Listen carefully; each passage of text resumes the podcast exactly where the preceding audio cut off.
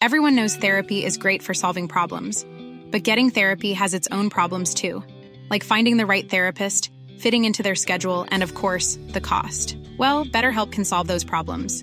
It's totally online and built around your schedule. It's surprisingly affordable too. Connect with a credentialed therapist by phone, video, or online chat, all from the comfort of your home.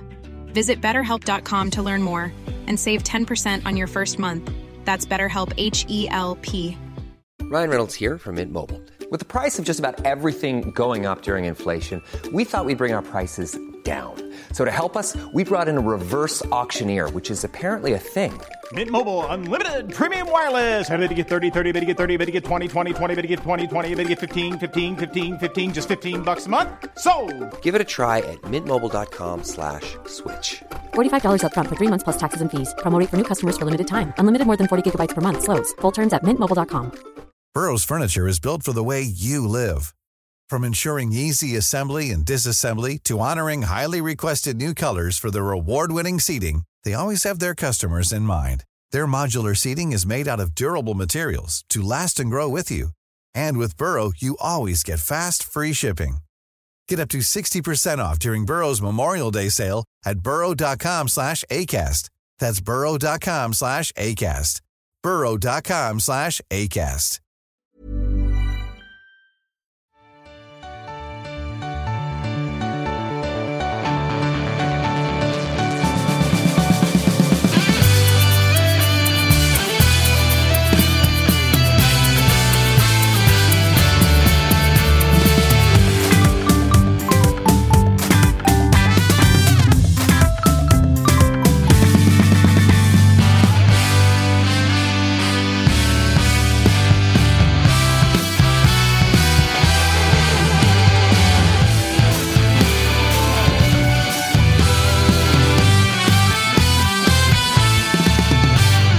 Säger välkomna till ännu en vecka, till ännu ett avsnitt av Toto-svenskan. Det är den 23 oktober och vi har hunnit med så många avsnitt som 279. Och den här gången så är det väl typ första gången, Kalle Nilsson, som vi är så här jävla tidiga med att eh, trycka på räck. Jo, men mycket har vi att göra idag också. Du.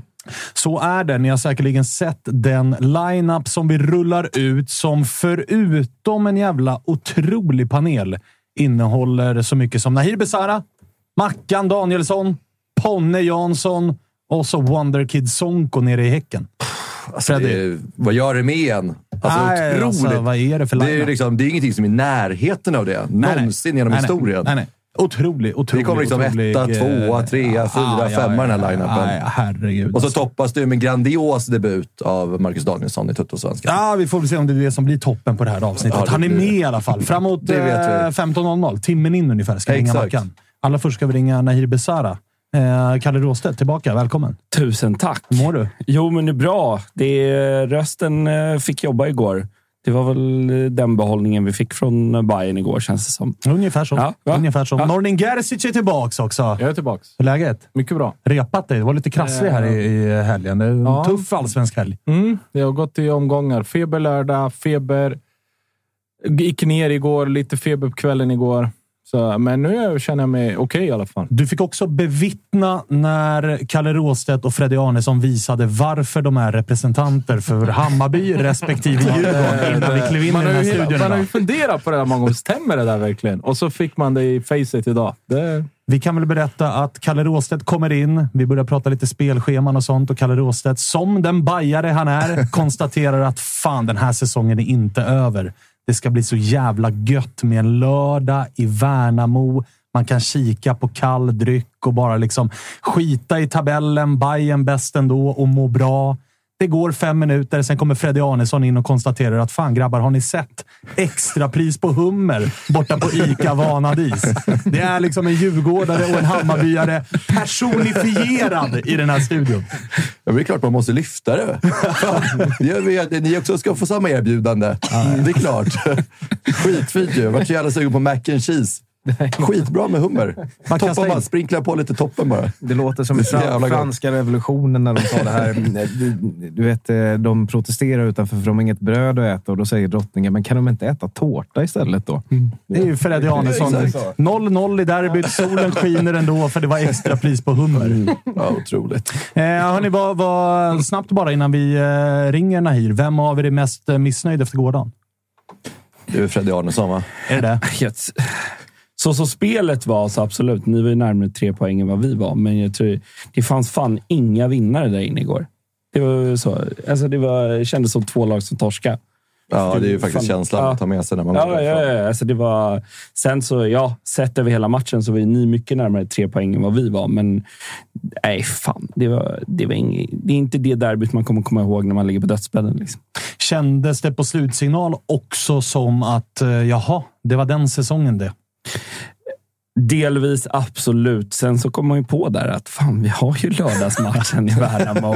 Eh, och det kommer vara invasion av eh, Värnamo den lördagen. Så nej, fan. Det är... Nej. Men vi kan ju njuta på ett annat sätt nu. Det blir ju lite mer gamla Bayern precis som du säger. Det är fjärdeplatsen känns ju ganska körd. Och då kan vi bara, då kan vi bara ha kul och vara Bayern även fast det är ja, gamla Bayern i tre matcher. Nu har ju Kalmar gått om också. Ja, nu är ni sexa. Ja, Alltså, men vem... Vad spelar det för roll? jag tänkte komma man vill femma man vill kanske vill ha huggit på den där fjärde platsen ändå. Nej, men den är ju borta nu. det- Ja, nu, vi, ser, vi ser det godnatt Och nu. även, Bara inte- eh, alltså, även tredjeplatsen borta för Djurgården nu. Ja, Häcken går och vinner, Djurgården tappar poäng och dessutom ganska nu har han distans ner till femteplatsen. Vilket betyder att er säsong med det här 0-0 också är ganska mycket över. Ja, vi har fem pinnar ner till Kalmar. Ja, Nordin skakar på Du huvudet. tror fortfarande vi kan gå för guldet, eller? Nej, det tror jag inte. Men, Det var så eh, jävla skönt om du sa det. Nordin. Jag nej, älskat men det. den är, det finns fortfarande Kalmar-Djurgården, sista omgången. Mm, men då ska Djurgården också tappa två, va? Nej, ja, direkt, ett kryss eh, och så blir det så. Då är det i och för sig sex. Ja, vi har fem poäng mer än dem. hur, är, hur är målskillnaden? Den är, vi har åtta upp på Kalmar. Den blir tuff. Den blir tuff. Den blir tuff. Den, men det var i alla fall någon sorts av spänning. Ja, försökte då- skapa. Ja, ja, verkligen. Ja, ja, ja. Men, eh, Fan, det är det vi lever för. Spänningen ja, i Allsvenskan. Greppa efter halmstråna liksom. Men eh, nej, nu har vi ju BP borta nästa match. Så fan, tar vi den då känns den här fjärdeplatsen verkligen, verkligen klar. Man börjar ändå känna någonstans nu att så här... Också sjukt att man ska liksom gå och prata om en fjärdeplats i Allsvenskan. Det är ju ett misslyckande med tanke på vad ni klev in i säsongen med för förväntningar. Ja, absolut supermisslyckande. Och att man liksom nu det så här, ja, men avsluta säsongen med lite stil och klass kanske, med en derbyseger och sen gå rent de tre sista. Nu är det bara en jävla lunk in i mål den här säsongen och sen får man glömma den och kalibrera om det här laget lite inför nästa år. Vi ska alldeles strax ringa upp eh, Nahir Besara. Innan det så har eh, Freddy Arnesson saker att förmedla, för det är spänning ikväll ju. Verkligen! Och som ni alla vet görs ju Tuttosvenskan tillsammans med våra episka vänner på ATG.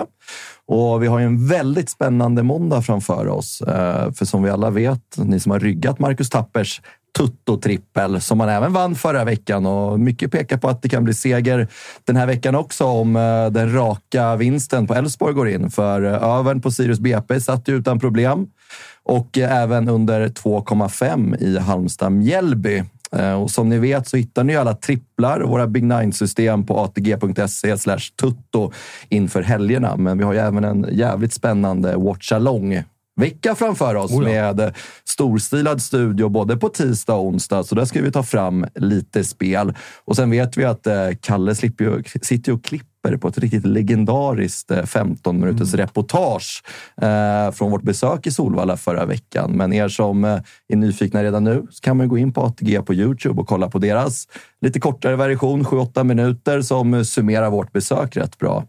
Eh, och som ni vet måste man vara över 18 år eh, för att spela och stödlinjen.se finns för dig som upplever problem med ditt spelande.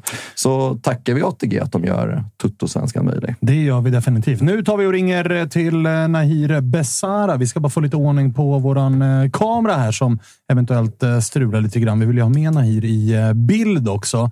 Nahir som gick poänglös med tanke på att det blev 0-0, men som ju har varit Bayerns absolut bästa spelare genomgående hela säsongen. Absolut. Han har varit helt eh, fantastisk och ja, men hade han haft en ännu bättre omgivning under hela den här säsongen så hade han ja, troligtvis gjort det ännu bättre än vad han gjorde förra säsongen. Mm, vi ska prata lite om eh, dels derbyt, men också lite grann det du är inne på. Att det har varit en formationsförändring i Bayern. Hur mycket har det påverkat eh, Nahir och lagets prestationer? Är det en formationsförändring som han känner att man kan bygga vidare på? Men också lite grann då, som det vi var inne på med Freddy och Djurgården. Att så här, den här säsongen. Bayern är sexa just nu. Det är tre omgångar kvar att spela. Det pratades om Europaplatser, att man skulle med, vara med och utmana. Och visst, det återstår tre omgångar, men liksom, hur stort misslyckande är eventuell sjätteplats? Nej, men alltså vi sa, jag tror det var Hjelmberg som sa det ganska tidigt att skepp, alltså, så här, den chansen har vi tappat. Topp tre var, ja, kändes inte så troligt för ganska många omgångar sedan. Eh, men jag tycker att det man ändå ser, alltså, vad ska säga, vändpunkten kommer ju matchen innan mot eh, Twente. Jag tror att det är Peking när vi ställer om och ska spela det. det eh, lite mer defensivt. Och då ser det helt plötsligt mycket, mycket roligare ut. Eh, men jag hoppas vi kliver tillbaka till 4-3-3 nu när ja, vi inte har så mycket att spela för. Vi får väl se vad eh, Nahir har att eh, säga om eh, det och det här derbyt då, som var tillknäppt. Han brukar ju annars kliva fram i de här matcherna. Ja, men man såg det. Jag tyckte ni gjorde det bra igår på Discovery. Just pinpoint att det var... Det syntes att inte spelet var klockrent. Det samspelet mellan Nahir och Boda framförallt skulle jag säga. Vi har Nahir Besara med oss. Välkommen tillbaka till Toto-svenskan. Tja, kan jag... Funkar det om jag ringer upp er om en minut? Absolut, absolut. Nej, nej. Jag säger nej. Nordin säger nej, Jag vi andra säger säger nej. ja. Nordin nedröstad. Ring Jag upp oss om en nej. minut. En minut bara. Jag ska bara parkera bilen. Ja, det är bra. Bra. Säkerheten först. Exakt, tack. Eh, Det, det har ju Nordin Gerzic lärt sig, om inte annat. Exakt. Eller hur? Parkera bilen först. Precis, det är viktigt. Det är viktigt. Det Det är är viktigt. viktigt. Det, var, Nordin, det är jätteviktigt. det är jätteviktigt. Nordin, vad, vad säger du om Nahirs derby? Eh, igår? Ja. Ja. Han försöker. Alltså, man ser ju, alltså, han gör grejer, han försöker, men det, det sitter inte med, med de andra. Liksom. Man, man ser direkt att det han har byggt upp med Erabi inte finns, alltså inte fanns där. Boda har ju varit skadad väldigt länge. Han, han var inte riktigt synkad, men sedan när han får någon boll och fänger, grym passning, slut två lagdelar, Besara vänder upp. Där drar ju Erabi. Och där ser man att Boda möter istället och så blir det en misskommunikation. Som absolut inte en av hans eh, bästa derbyn, men jag tror att det fortfarande att han har, om jag, om jag kommer ihåg i huvudet rätt nu, eh, att det är 11 poäng på 10 derbymatch. Ja, det, Vi pratade om det i det förra avsnittet, att så här, som derbyspelare är det kanske en utav, eller är det kanske den bästa derbyspelaren i Bayerns historia. Ja. I alla fall i modern tid. Ja, det blir svårt för oss ja. att gå tillbaka till Nacka Ja. och liksom det gänget. Utan vi får ju, vi Nej, får ju, absolut. Ja, ja verkligen. Eh, det är ju, ni var inne på det sist. Jag skulle vilja lägga till Romulo där, som, eh, eh, förutom Dibba och de ni pratade om förra avsnittet. Men han, det, det man ser igår också, han vill, som du säger, så mycket mer. Och Boda vart skadad och inte har något självförtroende överhuvudtaget. Och det, jag tycker att det syns så tydligt. Och det är bara att titta vad som händer när vi plockar in eh, Dunken och när Gyll kommer in och framförallt Låret kommer in också. Då, och vi går över till 4-3-3. Eh, då helt plötsligt så kommer vi någon vart i matchen. Som vi, ja, det var ju så mycket bättre. Och jag hoppas som sagt att vi fortsätter testa 4-3-3 så som vi spelar i början av säsongen. Eh, och jag hoppas att Gyll får den chansen och den platsen, för det är ju vår nästa påläggskalv. Liksom. Nästa säsong kan bli riktigt kul om vi får den utvecklingen på honom och Rabi. Vad Eh, äter Hammarbys ynglingar där Ja. i... Vad är det med dem? någon, måste kolla. Vad fan är det? där? Någon måste kolla Jag tänkte, man kostschemat tror på ju att. Erabi är stor och så kommer den här. Och, vad, vad är det för monster? Liksom? men han har växt ut så mycket. Han måste ha växt bara de senaste två åren. Innan så var han inte så där stor som han, har, som han är nu. Nej. Alltså, det nej. Det verkar ju också, för när man pratar med Rabi så är det också så här, vad, han, vi frågade honom tidigt på året. Vad, vad äter du? Hur tränar du? Vad gör du? Och han svarar bara, jag har alltid varit så här. Jo, men och sen när man såg... jo, men, Okej, labbmänniskorna liksom. Vad du- jo, jo, och sen såg man klippet där med hans farsa och man bara, ja okej, då förstår vi var de generna kommer ifrån. För hans farsa är lika- definitivt. Ja. definitivt. Nu har Nahir Besara parkerat eh, bilen och är eh, till slut då, med oss. Hittade du parkering? Ja, jag, kom, jag hann hem. Jag tänkte ni är aldrig i tid, så jag, jag tänkte jag trodde att det, är ny, det, är nya, det är nya tider nu. Ny, vi har tajt schema också, så det är nya tider. Du, eh, hur mår du? Det är bra, tack. Hur mår ni? Vi mår eh, bara bra faktiskt. Bara bra. Vi sitter och pratar lite grann om, om eh, derbyt och eh, framförallt med lite bayern fokus just nu. Vad säger du om eh, matchen igår som ju var en ganska tillknäppt historia? Som ni säger, tillknäppt är lika med tråkigt. Så nej, det var en tråkig match. Eh, känns inte som att det var... Jag vet inte hur jag ska förklara. Varken vi fick matchbilden dit vi vill och varken, inte Djurgården heller fick matchbilden dit de vill. Så ah, en tråkig match. Hur mycket led och lider ni av att spelare som ni har haft ganska formstarka här, som Erabi och Djukanovic och så, var skadade och är skadade och inte... Nu kom Djukanovic in i matchen, men även Lorit Sadiko. Alltså många ordinarie spelare har, har saknats här. Hur, hur mycket påverkas lagets prestation av att man behöver röra om en hel del? Nej, det är bra spelare som eh, inte kunde spela, men eh, de som spelade gjorde det också bra. Jag tycker inte att de ska skyllas för att, att vi inte var bra, att hela, hela laget inte presterade. Utan jag tycker att eh, Abdo har varit borta jättelänge, fick starta och göra det bra, eh, gör sin grej och eh, eh, Adi gjorde sin grej. Så nej, man, de som spelar gjorde, gjorde deras bästa, men eh, såklart som man säger, Josef var kanske allsvenskans bästa anfallare när, på slutet. Så det är såklart att vi, kan, vi måste spela på ett annat sätt när man inte har Josef i, i, i laget. På tal om att spela på ett annat sätt då, så kände jag inte riktigt igen liksom, den rollen jag är van att se dig i på planen. Vad, vad hade du fått för liksom, instruktioner och vad var det för taktisk tanke med, med att eh, kanske spela dig lite utanför din normala position? Nej, utan eh, jag har ju spelat där en del nu på slutet. Jag har ju spelat antingen sexa eller där jag spelade igår. Så det var inte liksom så, utan jag tycker att Djurgården gör det bra, speciellt i pressspelet. De gjorde det svårt för oss, pressa bra. Eh, Djurgården är fysiska, så eh, man ska ju säga att man har bra motståndare också som gjorde deras grej. så de stängde ner mig ändå rätt så bra, ska jag säga. En uh, gubbe vi nämnde här som fick uh, komma in och fick väl dryga halvtimmen är ju unge herr Gül. Vad har du att säga om honom? Det är många bajare som har stora förväntningar på uh, unga talangen. Ja, ja, han är väldigt duktig. Ehm, han har ju tagit... Eh, nu, om, man ser, om man ser på Josefs speltyp så, så påminner Dennis väldigt mycket om eh, Josef. Eh, fysiskt stark, snabb, både, kan gå i djupet men ändå stark i fel vända. Så en jättebra forward och väldigt spännande att se hur han kommer lyckas ta till sig nu och när han väl ändå kommer... När han fick göra sin debut och nu kommer han förmodligen få spela ännu mer för jag tycker att han var så pass bra. Många Hammarbyare som dels gästar oss i den här studion, men också när man läser liksom snacket på sociala medier har ju liksom dels, eh, eller framförallt väldigt mycket varit inne på spelsättet. Att så här, ni har varit både under Billborn, men också i början av Martis tid så har det varit ganska utpräglat 4-3-3 och man har känt igen hur Bayern spelar.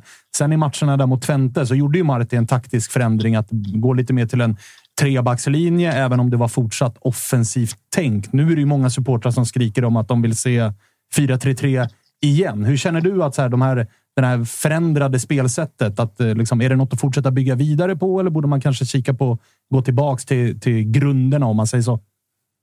Jag tror om du frågar Marti, alltså, själva det här med 4-3-3 och fembackslinje, det är bara siffror. Liksom. När vi förra året spelade med, med en fyrbackslinje så spelade vi ändå upp med en trebackslinje där, där ofta Sandberg kom in i banan eller Mohamed kom in och skapade en trea. Så det är mer en lek med siffror. Men Eh, uh, ja, alltså, om du, vad jag tror är att om du frågar Marti så kommer han vilja spela 4-3-3. Men, men jag håller med honom om att jag tycker att just nu, sättet vi spelar passar spelartruppen som vi har bäst. Vad eh, känner du för eh, inför... Nu återstår det ju visserligen tre matcher av den här säsongen. Ni ligger här och nu på en, på en sjätte plats. Det var ju ett Bayern som innan säsongen siktade på liksom topp tre, Europaplatser. Eh, det tåget gick väl relativt tidigt. Vi såg, var det Hjelmberg som var ute och pratade om att det, det, liksom, det kan vi glömma nu. Vi får fokusera på andra saker. Men om du blickar lite framåt, vad är det som krävs för att Bayern återigen ska vara ett topp tre-lag? Nej, utan eh, nu har eh, det här året kan man säga typ att vi har gett talangerna chansen att växa in i den allsvenska kostymen. Nu när, jag tror inte om vi hade haft samma lag som förut, Josef kanske hade inte fått chansen. Eh, vi kanske inte hade värvat en 19-åring Djukanovic från Montenegro. Eh, så nu när vi har gett de här talangerna chansen så, så när de, ja, hur ska man säga, varma och är varma i den alltid kostymen och vågar ta för sig. Så nästa år så kan vi nästan bygga laget kring dem. Eh, då kommer de vara ännu bättre och då kan vi krydda till med vissa spelare så tror jag det kommer bli jättebra. Men för egen del då, du som är en av de äldre gubbarna i, i laget. Känner man att liksom... Jag gissar att du är spelare som liksom man vill vinna saker. Känner du att det är det lite frustrerande att så här, vi ska bara tänka på framtiden? Man vill väl vinna här och nu också, tänker jag. Ja, alltså en klubb som Hammarby kan inte bara tänka på framtiden utan eh, såklart att vi har väldigt många spännande talanger som, behöv, som bör få spela och bör få visa upp sig. Men en klubb som Hammarby ska tänka på att vinna eh, och det tror jag att vi kommer gå för. Eller tror inte, utan jag vet att vi kommer gå för det nu nästa år i alla fall. Eh, som nu när jag vet att vi har de här talangerna när de håller så det gäller bara att krydda till vissa spelartyper runt om så tror jag att det kommer bli jättebra. Känner man att det här året, eh, nu får vi se lite grann vart det slutar, men det är väldigt långt upp nu till en fjärde plats och ännu längre såklart till en, en tredje plats är ju till och med eh, teoretiskt körd nu väl. Men, men eh, känner man att det här året blev ett misslyckande rent resultatmässigt? Alltså om man kollar själva vad vi tappade från förra året och till i år. Liksom. Det är svårt att ersätta de spelarna förra året. Eh, en Mohanad som är i sin bästa eh, bästa ålder, eh, bästa spelar sin bästa fotboll. Samma sak med Darijan Bojani, samma sak med, med Gustav Ludvigsson. Så tog vi in spelare som förmodligen aldrig ens har spelat i seniorfotboll nästan kan man säga. Knappt spelat i allsvenskan. Så man behövde ge det tid och sen när, väl, när vi väl fick tiden och fick till det, då blev vi bra. Men det var lite för sent. Eh, jag tror om vi hade fått börja med samma lag nu eh, nästa år så tror jag inte att vi kommer hamna så långt ner som vi hamnade i år. Men eh, jag kommer inte ge upp. Till sista matchen och jag kommer gå för att försöka vinna alla tre matcher som är kvar. Sen får vi se vart vi hamnar. Du, eh, du har ju spelat eh, ett gäng sådana här derbyn och du brukar ju ofta vara eh, liksom, tungan på vågen i de här derbyna. Du, du har ju vuxit fram som, vi har pratat om det, kanske Bayerns absolut bästa derbyspelare i modern tid. Men för en som har varit med så länge, vi pratade i fredags om att det här derbyt på förhand, det kändes lite, lite avslaget ifrån supporterhåll också. Att det var så här, fan, det är inga som riktigt eh, bryr sig, är väl fel ord, men det kändes inte så hett. Kände du av eh, liksom, att det var något annorlunda inför det här derbyt eller kändes det som, som en vanlig derbymatch? Jag tycker att våra supportrar var fantastiska. De är alltid där, sjunger alltid, hörs alltid mest. Så det är ingen snack om saker att de alltid är där. Men det kändes ju inte samma sak som ehm, eh, förra året när bägge var, kunde vinna eh, guldet. Så det kändes inte, var inte på samma sätt. Men det betyder, derby betyder alltid väldigt mycket, eh, både för oss spelare och för fansen. Så jag kan, inte, jag kan inte riktigt hålla med, men jag kan förstå vad ni menar. Härligt. Du eh, kör hårt då de här tre sista matcherna. Bajarna laddar ju för fullt för Värnamo borta. Lördagsmatch på bortaplan. Det är tydligen tusentals som ska ta över Finnvedsvallen. Vi kommer ett par busslaster. Det, vi kommer höras där också. Det är inget konstigt, det är som alltid. ja, det är bra nej. Det är bra nej. Du, eh, tack för att vi fick ringa. Eh, vi hörs. Tack själva. Ta hand om er. Detsamma. Ja, tja, tja. Ja, tja.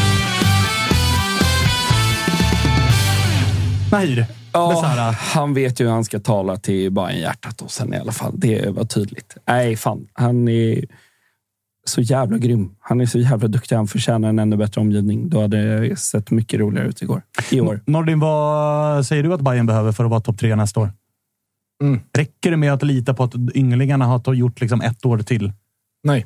Eh, jag, jag Nahir är inte riktigt på samma bana där. Eh, jag gillar unga spelare. Det, det vill jag, jag vill alltid att det ska vara så mycket unga spelare det bara går. Men då måste de vara tillräckligt bra också. Eh, Hammarby har eh, egentligen, om vi ska kolla, eh, Mackan Karlsson, Sandberg, eh, är försämring.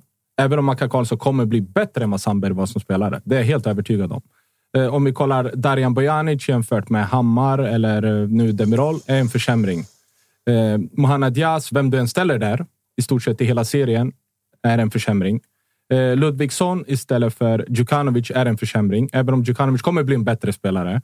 Den enda positionen Hammarby egentligen har för, blivit bättre på i år, det är ju Berisha Erabi. På senare, alltså är ni med hur... Eh, och för mig, eh, jag har svårt för just det här.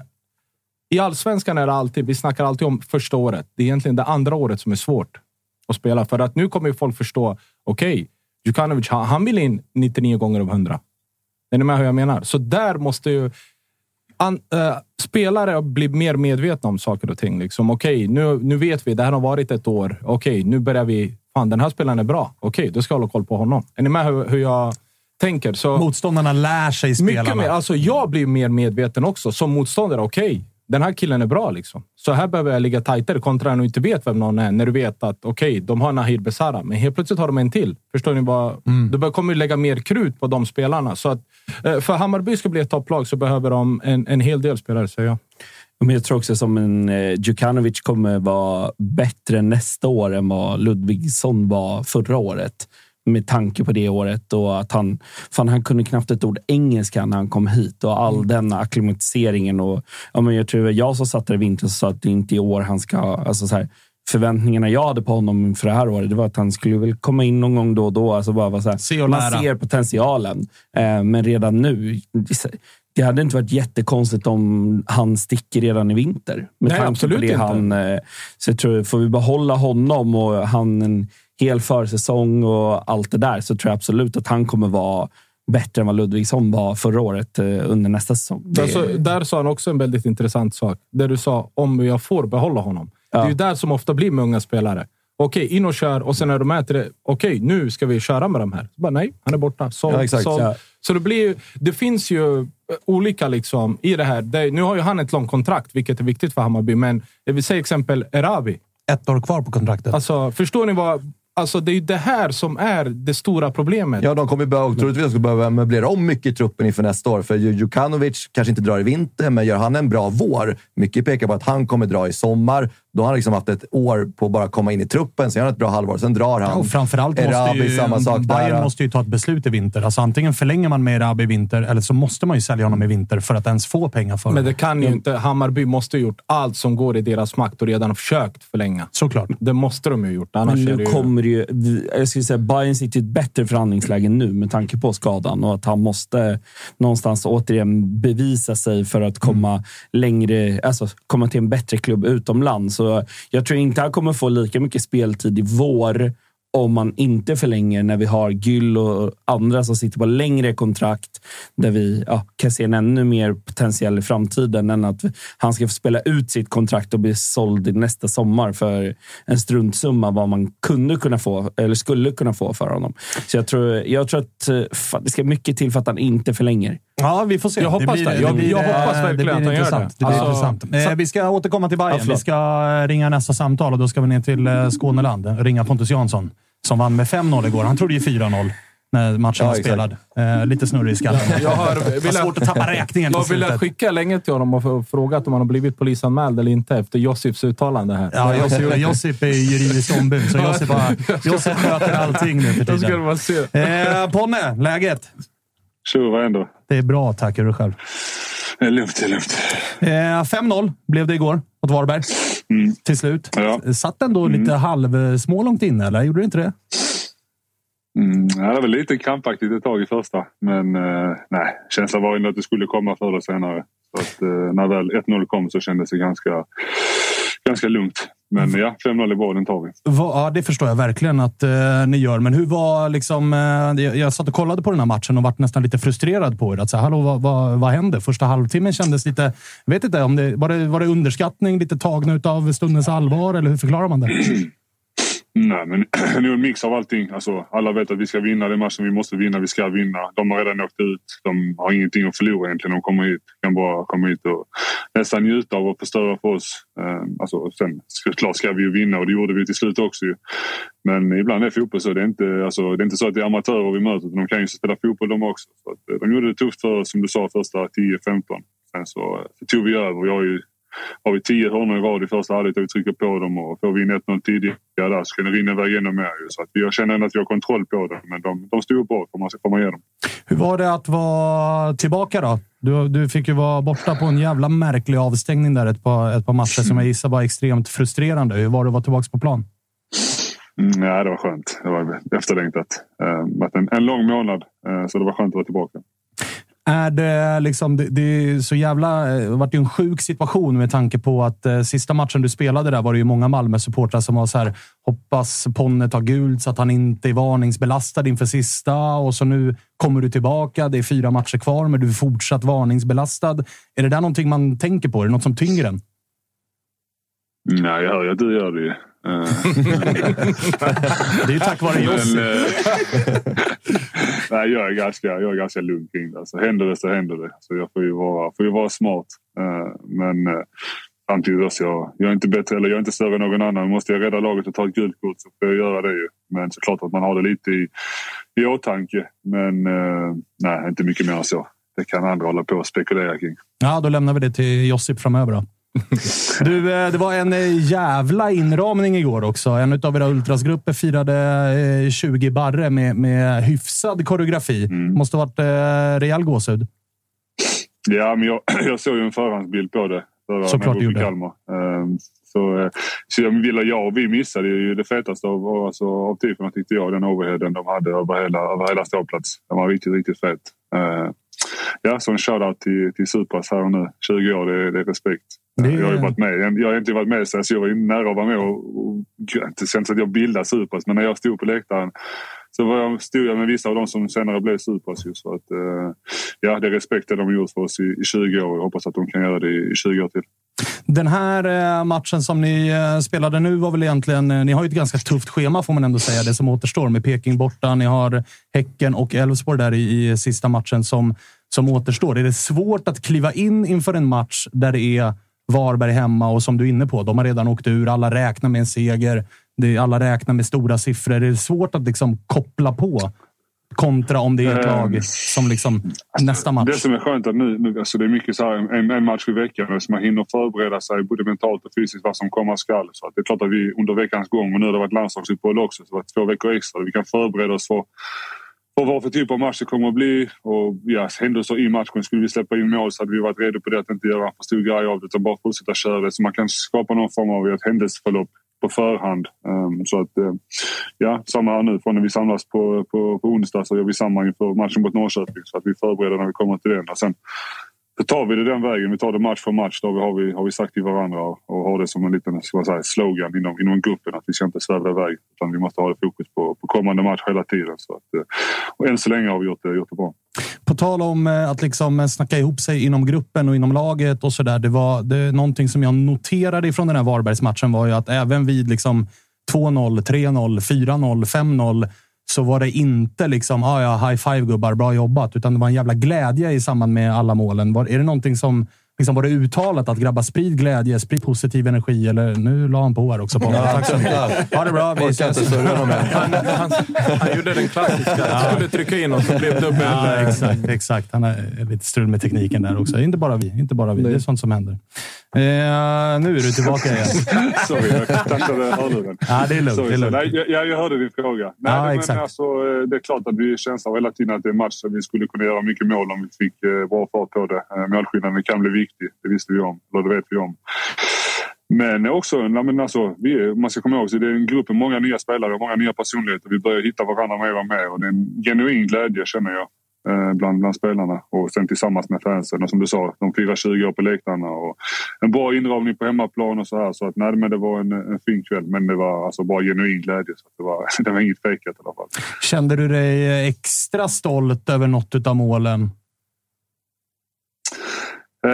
Ja, nej, men Otto framför allt. Alltså, Otto eh, är svag för honom. Uh, otrolig spelare. Han kommer att bli, han kommer att bli löjligt bra. Uh, också Taha. uh, sa väl i någon intervju igår. Jag gav honom en utskällning utöver dess like innan hans ja, innan 2-0 målet. Han tar sekvensen nere vid kanten. Han, jag vet inte vad han sysslar med. Eh, och det fick han höra vid något uppehåll. Och då han räckte upp handen och bad om ursäkt och sen så efter det så var han ju ja, helt overkligt bra. Så att, eh, fick en liten effekt på Taha där och sen ja, Ottos mål var, var otroligt skönt också att se honom få, få göra det. Du, eh, vad, hur ser planen ut ikväll vid, vid 19.10 då? Uh, nej, ingen aning faktiskt. Får ta hand om barnen. Jag vet inte om det händer något annat. Ah, okay. det, sitter, sitter, sitter inte. Du ska inte, det, finns plats, det finns plats i min kära Gnaget-båt ikväll, annars om du är sugen.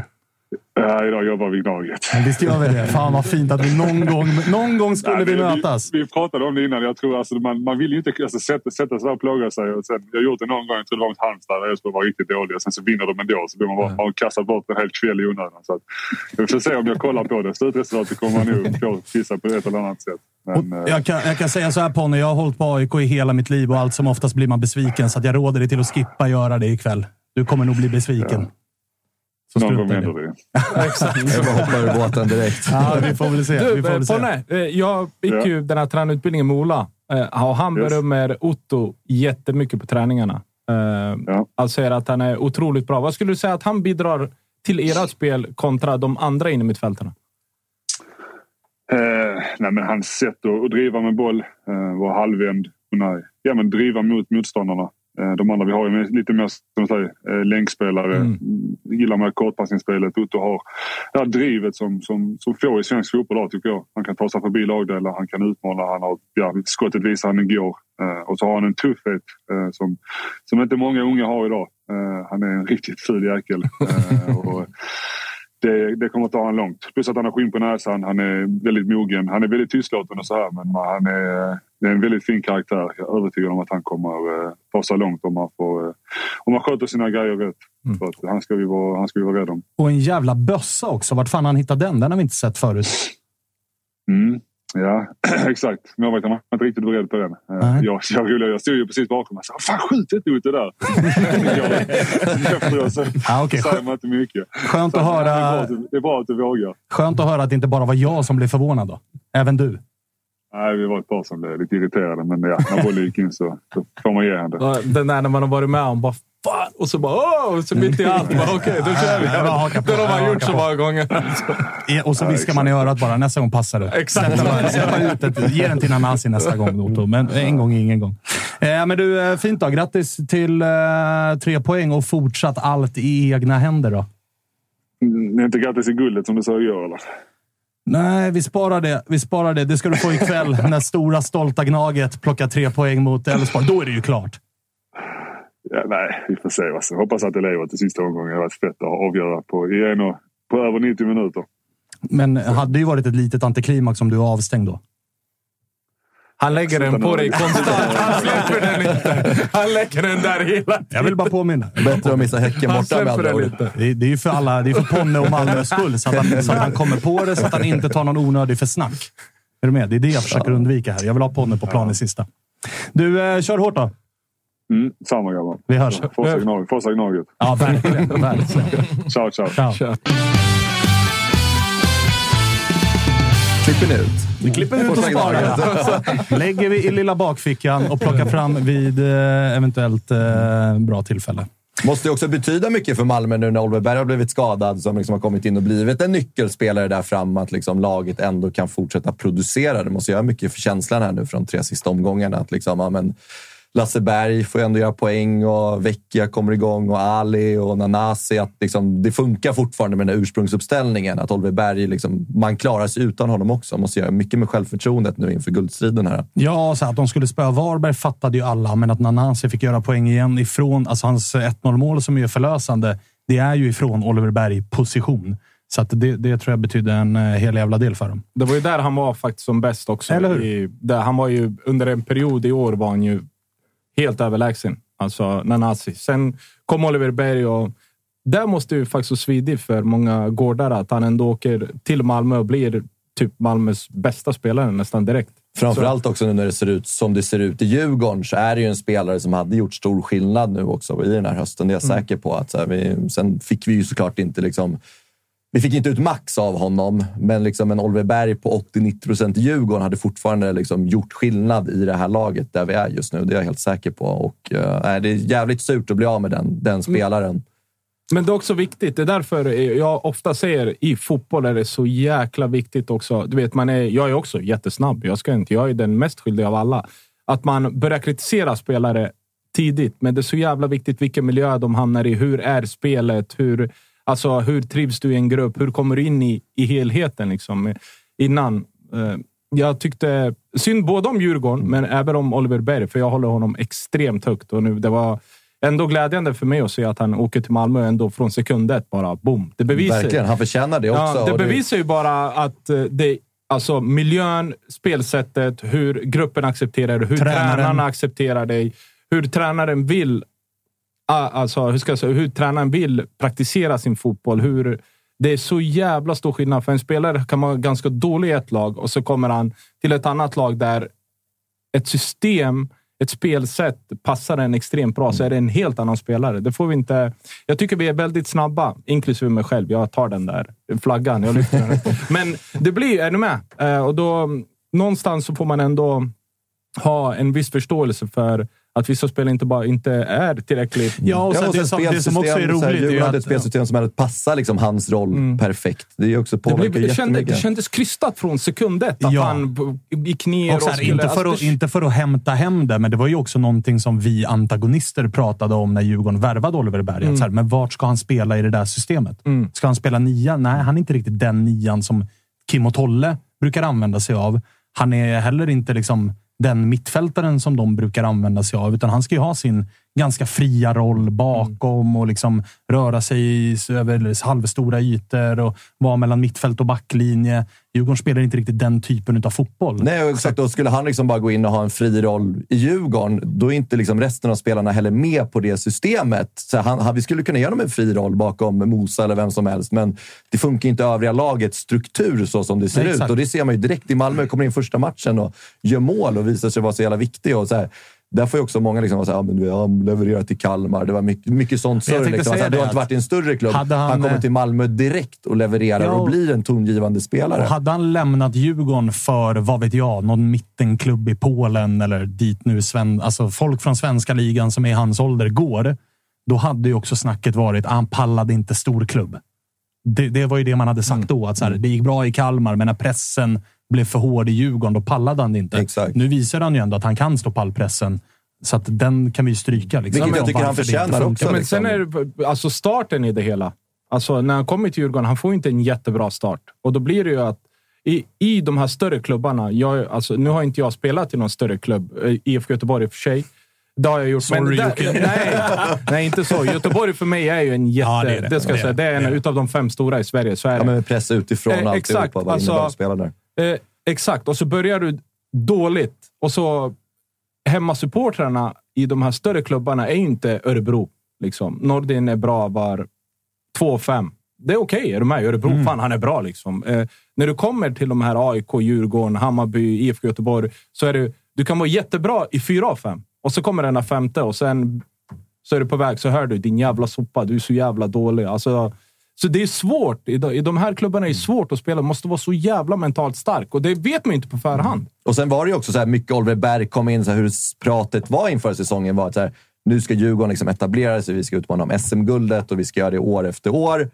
Och sen så kommer Oliver Berg in och inte levererar allt. Då får han liksom också någonstans bära hundhuvudet för den här Han blir ju satsningen. symbolen Exakt. för det. Och sen så bara kolla hur laget har sett ut efter Oliver Berg lämnade. Det har liksom inte blivit jättestor skillnad, helt ärligt. Prestationen på planen har inte liksom varit så här, ah, nu är Oliver Berg borta, nu kan liksom Djurgården börja spela sin fotboll. För att nu är liksom den här spelaren borta som någonstans kanske andra måste anpassa sig till, så som snacket var. Att, här, det är ingen större skillnad. Det handlar liksom mer om att laget inte har liksom hållit en tillräckligt hög nivå. Nivån finns där, det vet alla. Men det är inte Oliver Bergs fel att vi Djurgården kommer fyra i år. Absolut inte. Rak Absolut fråga till er då. Momodo Sonko, BK Häcken. Allsvenskans största talang just nu? Kan vara. Kan vara. Eh, nu har han ju börjat hitta målet också. Det var ju det där som har saknats för honom. För han har ju varit eh, bra i många matcher. Men just den här slut... mycket assist också, Ja, men eller? alltså, du vet, den här, just den här riktiga slutgrejen har saknats lite från honom. Och nu igår så, vad gjorde han? Tre, va? Tre. Ja. Helt okej. Ja, det Får man lov att då säga. får man eh, stå och lyfta på flaggan och säga... Det Sju mål, tre assist Ja, den här är ju- säsongen i Allsvenskan. Och då har han startat sju baljor i Allsvenskan. sju baljor. Då har han startat 13 matcher. Hoppat in i sju. Det är Så att, otroligt. eh, jag menar, det är ganska bra siffror om man är 18 bast. Fantastiskt bra siffror. Eller hur? Vi ska ringa upp honom och gratulera honom till eh, tre poäng och till eh, som det blev hemma mot eh, Norrköping. Säkrad Europaplats också för Häcken. Säkrad Europaplats för Häcken som på torsdag va, ska åka till Norge. Spela mot Molde. Tuff match. Tuff match får man lov att Har säga. tagit tre pinnar. Vi har eh, Sonko med oss. Hur är läget? Tjena, det är bra. Hur är det själv? Det är bra. Välkommen till eh, Toto-svenskan. Tackar. Du, eh, grattis till, eh, till att börja med. För man börjar väl alltid med laget före jaget. Så grattis till tre poäng. Ja, tack så mycket. Hur eh, var det att kröna det med att göra ett hattrick? Ja, eh, nej, det var en magisk känsla. Eh, det var väl det första man fokuserar på, komma ut på plan och ta hem tre poäng. Men att få göra ett hattrick också på det. Bara otroligt faktiskt. Vilket av målen håller du som favoritmålet? Ja, jag sa ju igår Eh, det sista eftersom att det gjorde det till ett hattrick. Men eh, nu när jag kollar på det i efterhand så kanske det första såg eh, bäst ut. Eh, från kameravinkeln i alla fall. Ja, jag håller nog också det första faktiskt som, som eh, det bästa. Men du, vi pratade om, det börjar ju pratas om liksom utlandsklubbar. Det nämns som liksom allsvenskans största talang. Går det att liksom ta in det du håller på med just nu? Hur lätt är det att bara fokusera på att gå ner till träningen när det börjar skrivas och tisslas och tasslas och bli stora rubriker och sådär? Nej, jag tycker det är kul med att få uppmärksamhet. Eh, men det sätter ju en del press på mig. Eh, jag tycker att eh, med hårt jobb så kommer jag nog tackla det ganska bra och sen bara fortsätta jobba på samma sätt som jag gjort genom denna säsongen och utveckla de delar jag behöver. Eftersom att jag fortfarande inte är en komplett fotbollsspelare. Så det är bara att fortsätta jobba hårt och fokusera på, på min del ute på plan. Vad skulle du säga att du har utvecklat mest den här säsongen? Då? För det, du har ju sannoliken vuxit in i den. Det har blivit mer och mer speltid, mer och mer förtroende. Nu börjar också poängen trilla in. Vad, vad är det som du har fokuserat mest på? Nej, det har varit mycket att få över det jag har haft i, i mig som jag har haft under eh, ungdomsperioden. Bara få in det i seniorfotbollen samt eh, det taktiska eh, i både försvarsspel och anfallsspel. Hur svårt är det att ta steget för de som inte har gjort det liksom, från juniorfotboll till seniorfotboll? Oh, eh, för mig så var det väldigt tufft i början. Eh, det blev ju som ett jobb helt enkelt. Eh, eh fotbollen gick ut över hela dagen och eh, man blev väldigt trött i början eh, Eh, innan man hunnit ställa om kroppen och eh, vänja sig vid eh, träningarna och hur länge man är på träningsanläggningen och så vidare. Sen ute på planen så var det väl ett stort steg också med tempot, fysiken och ja, allt möjligt egentligen. Så för mig var det väl ganska tufft i början men det tog inte mig allt för lång tid att komma upp i tempo och kunna prestera ute på plan. Men du, vad skulle du säga om er säsong hittills? Då? För att jag menar, ni är ju trots allt i ett gruppspel i Europa. Ni är topp tre. Ni har precis säkrat liksom Europaspel nästa säsong. Vad, vad, vad känner man om eh, alltså säsongen som helhet? För att, eh, jag gissar att många också var så här, vi ska försvara SM-guldet, så det, det, blir aningen svårbedömt kanske. Men vad säger du själv? Ja, vi gör ju en relativt bra säsong eh, i och med att vi tar oss till gruppspel i Europa och eh, ligger i toppen eh, i allsvenskan också. Men jag tror de flesta i laget tänker lite som jag, att eh, vi vill gärna ha det guldet. Eh, eh, precis eh, som förra året. Eh, nu så är det en bit upp till, till första plats men vi hoppas väl fortfarande på att kunna ta hem guldet i slutet av, slutet av året. Eh, och det är det vi strävar efter. Har det varit eh, svårt för er att hantera, för det är första gången Häcken går in och ska hantera liksom, eh, gruppspel i Europa kontra allsvenskt spel. Du har ju inte varit på den här nivån jättelänge, så du har inte jättemycket att jämföra med. Men hur har känslan varit just det här med att spela match var, var tredje, var fjärde dag? Nej, man märker lite på, på spelarna att det tar ju på, på kroppen och på musklerna. Att det är tufft att spela Eh, två, tre matcher i veckan och eh, eh, det påverkar ju en del ute på plan också. men det är en bra upplevelse att gå igenom detta, speciellt för mig i denna tidiga ålder. Att vänja mig så tidigt som möjligt och förbereda inför framtiden. På tal om framtiden då, hur ser planerna ut? Vilka drömligor är det du blickar mot? Ja, Eh, jag har alltid varit stort fan av Premier League men eh, just nu så är mitt fokus fullt eh, på Häcken och slutföra denna säsong på bästa sätt. Och sen får vi se vart det, det leder. Har vi något favoritlag till och med? Eller? Ah, Arsenal faktiskt. Arsenal, ja, men där hade du kunnat Passar ganska bra. Ja, verkligen. Känner jag. Saka och gubbarna där. Ja, ja, herregud. Alltså, herregud. Du har en del att lära dem. Ja, ja herregud. herregud. Men eh, Sonko, jag har lite frågor kring din säsong. Då. Eh, när säsongen började var det ju liksom ett anfall med Beni, det var Olden Larsen, det var Sadik. Nu är det ett anfall bestående av Chilufya och Amor. Hur upplever du liksom den förändringen i er offensiv? Är det någon skillnad? Eh, att liksom spela med Chili framför Beni och sådär utifrån ditt egna perspektiv, hur du spelar fotboll? Ja, alltså. Jag ser väl dem som ganska lika spelstilar. Eh, båda väldigt snabba i djupled. Eh, väldigt bra avslut. Eh, så, och de är väl bra i speluppbyggnaden också. Eh, så jag ser det ganska, ganska likt ute på plan. Eh, och min uppgift är, är ju densamma vare sig om jag har Benny eller, eller Chilufya där ute. Känns ändå som att du har hittat ett ganska bra samarbete med Chili. Ja, eh, han är en väldigt snäll kille. Eh, så eh, Vi har nära platser i omklädningsrummet så vi pratar väldigt mycket. Så vi får tid att prata med varandra om eh, det taktiska också. Och, eh, jag tycker det har fungerat bra ute på planen. Du, eh, Molde borta här på torsdag. Då. Lite av, eller inte så lite, utan en jävla måste-match ifall ni vill fortsätta spela i Europa andra sidan eh, nyår. Vad, vad är liksom skillnaden att spela de här Europamatcherna kontra allsvenskan? Ja, de två matcherna vi har spelat hittills i gruppspelet eh, så är det väl eh, det vi är sämst på, gräsplan, eh, till att börja med. Sen så har vi ju också eh, väldigt bra motstånd. Eh, Leverkusen och eh, Karabag som vi har mött hittills. Eh, som håller, håller ett eh, högt tempo. Eh, fysiken på en, eh, en helt annan nivå. och eh, ja, Det är utöver det vanliga. Liksom. Så tufft motstånd väntar alltså i form av Molde. Ni får kolla på vad Djurgården gjorde förra året. Mm. Det är bara att ringa Harris. Han har lite tips. Ja. Nej, men eh, jag tror det blir en tuff match ändå. Ja, det är jag rätt säker på att det kommer bli. Det uh, brukar vara det i Europa League. Du, uh, lycka till! Gnugga på. Tack för att vi fick ringa, så hoppas vi på Arsenal någon gång i framtiden i alla fall. Ja, tack så mycket. Ha det fint! Lycka Ja, till!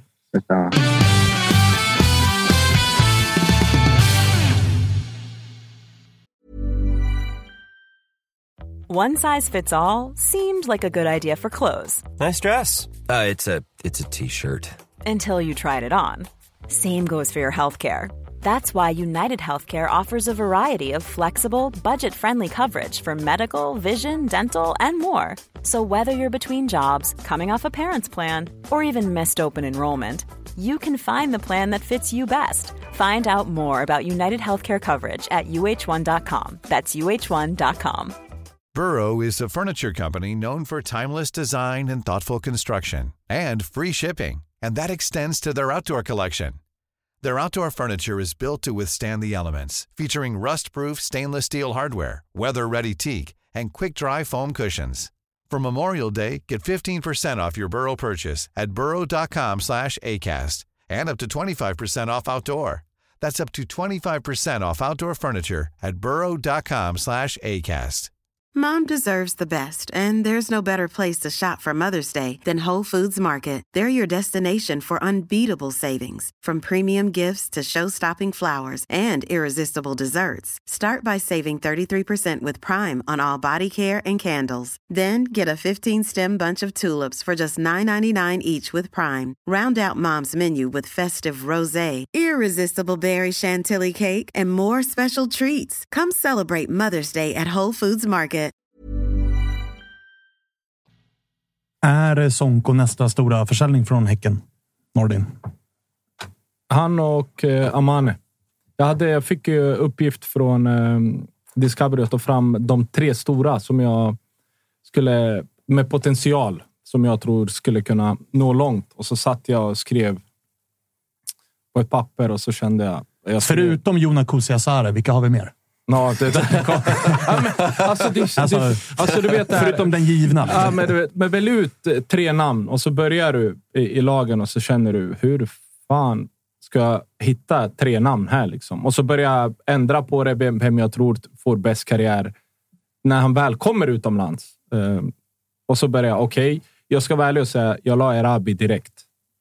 Jag la honom etta di- direkt eh, på grund av... Han har redan presterat i allsvenskan. Han gör det jättebra i ett... Sanning vad jag tycker, Hammarby är inte så jättebra. Eh, han gör det i ett, eh, i ett lite sämre lag.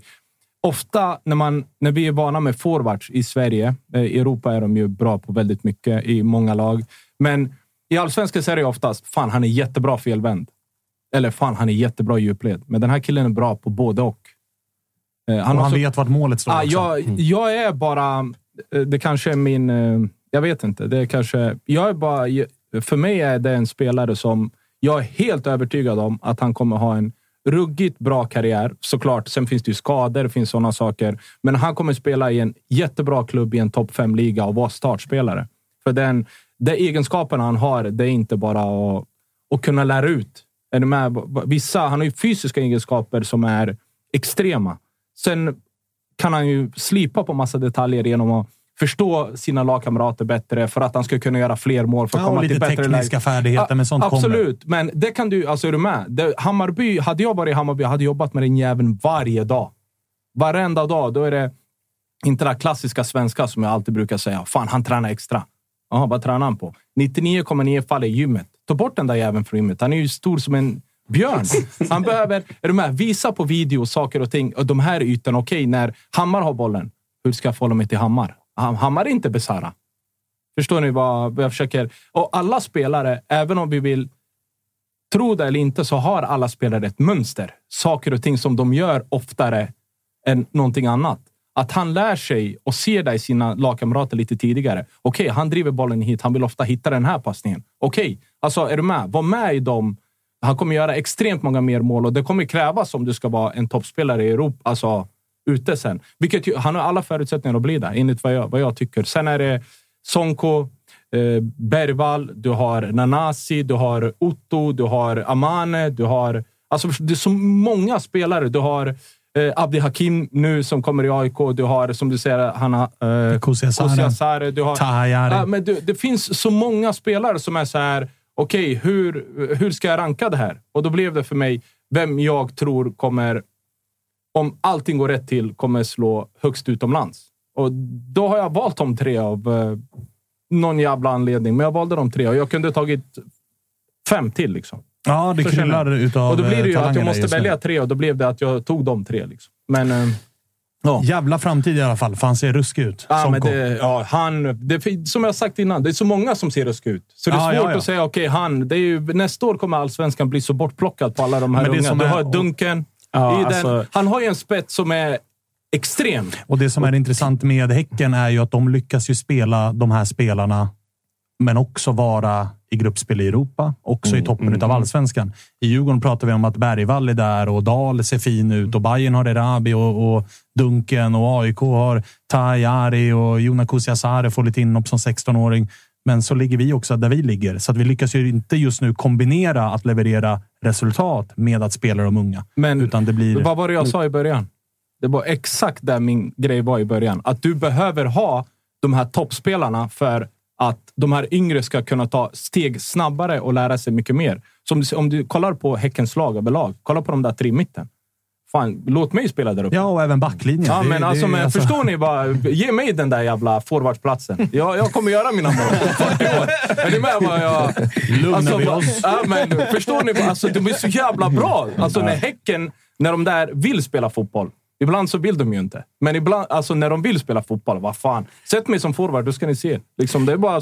Vänta, den kommer komma på pannan eller foten förr eller senare. Liksom. Ja, men titta på den omgivningen och det du pratar om. Och titta på Erabi förra året kontra i år. Ja, men vad är det han har gjort som, som gjort att han har växt så jävla mycket år? Det är just jag skulle säga, beslutsfattandet. Han och Absolut. Besaras eh, samförstånd är helt fantastiskt i är- år. Och tänk då, Djukanovic, han har inte heller startat allting och den utvecklingen. Och kan han utveckla sitt beslutsfattande nästa år? Men, nej, då kommer vi inte ha kvar honom. För att han har, jag skulle säga att han har en ännu högre höjd än vad Erabi har med, ja, med tanke på den åldern och det han har visat hittills i år. Är det Bayerns två absolut största frågetecken när den här säsongen avslutas? Erabis kontrakt och Marti Cifuentes eh, vara eller icke vara som fortsatt Bayern-tränare? Ja, Eh, och jag tror mer på att vi förlänger eh, Rabis kontrakt än att Marti sitter kvar till över nästa år. Vill du ha kvar Marti? Mycket bra fråga. Den, det var min nästa fråga. Ja, men det har ju varit alltså, de Gurra och eh, Walter som vi har där. Där har det ju varit, Gurra har ju varit väldigt tydlig med att han helst ser en förändring på tränarposten.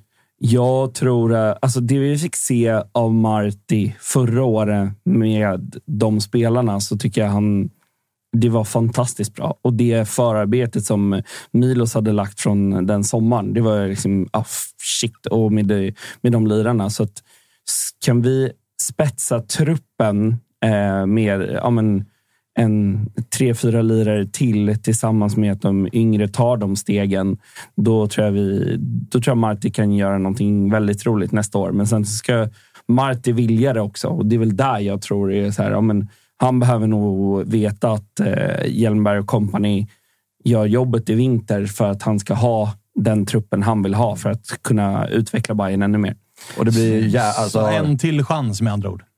Ja, alltså jag tycker att Marti har... Och bara se på det han gjorde i år när han gjorde det skiftet i, eh, i somras och så som vi spelade mot Twente. Det var ju, alltså, det var fantastiskt bra. De, jag ska säga, Twente-matcherna och de fem, sex omgångarna som var runt om, då var ju Bayern väldigt, väldigt bra. Framförallt med de spelarna som vi har i år kontra föregående år. Så att, eh, nej, jag, det behöver inte vara...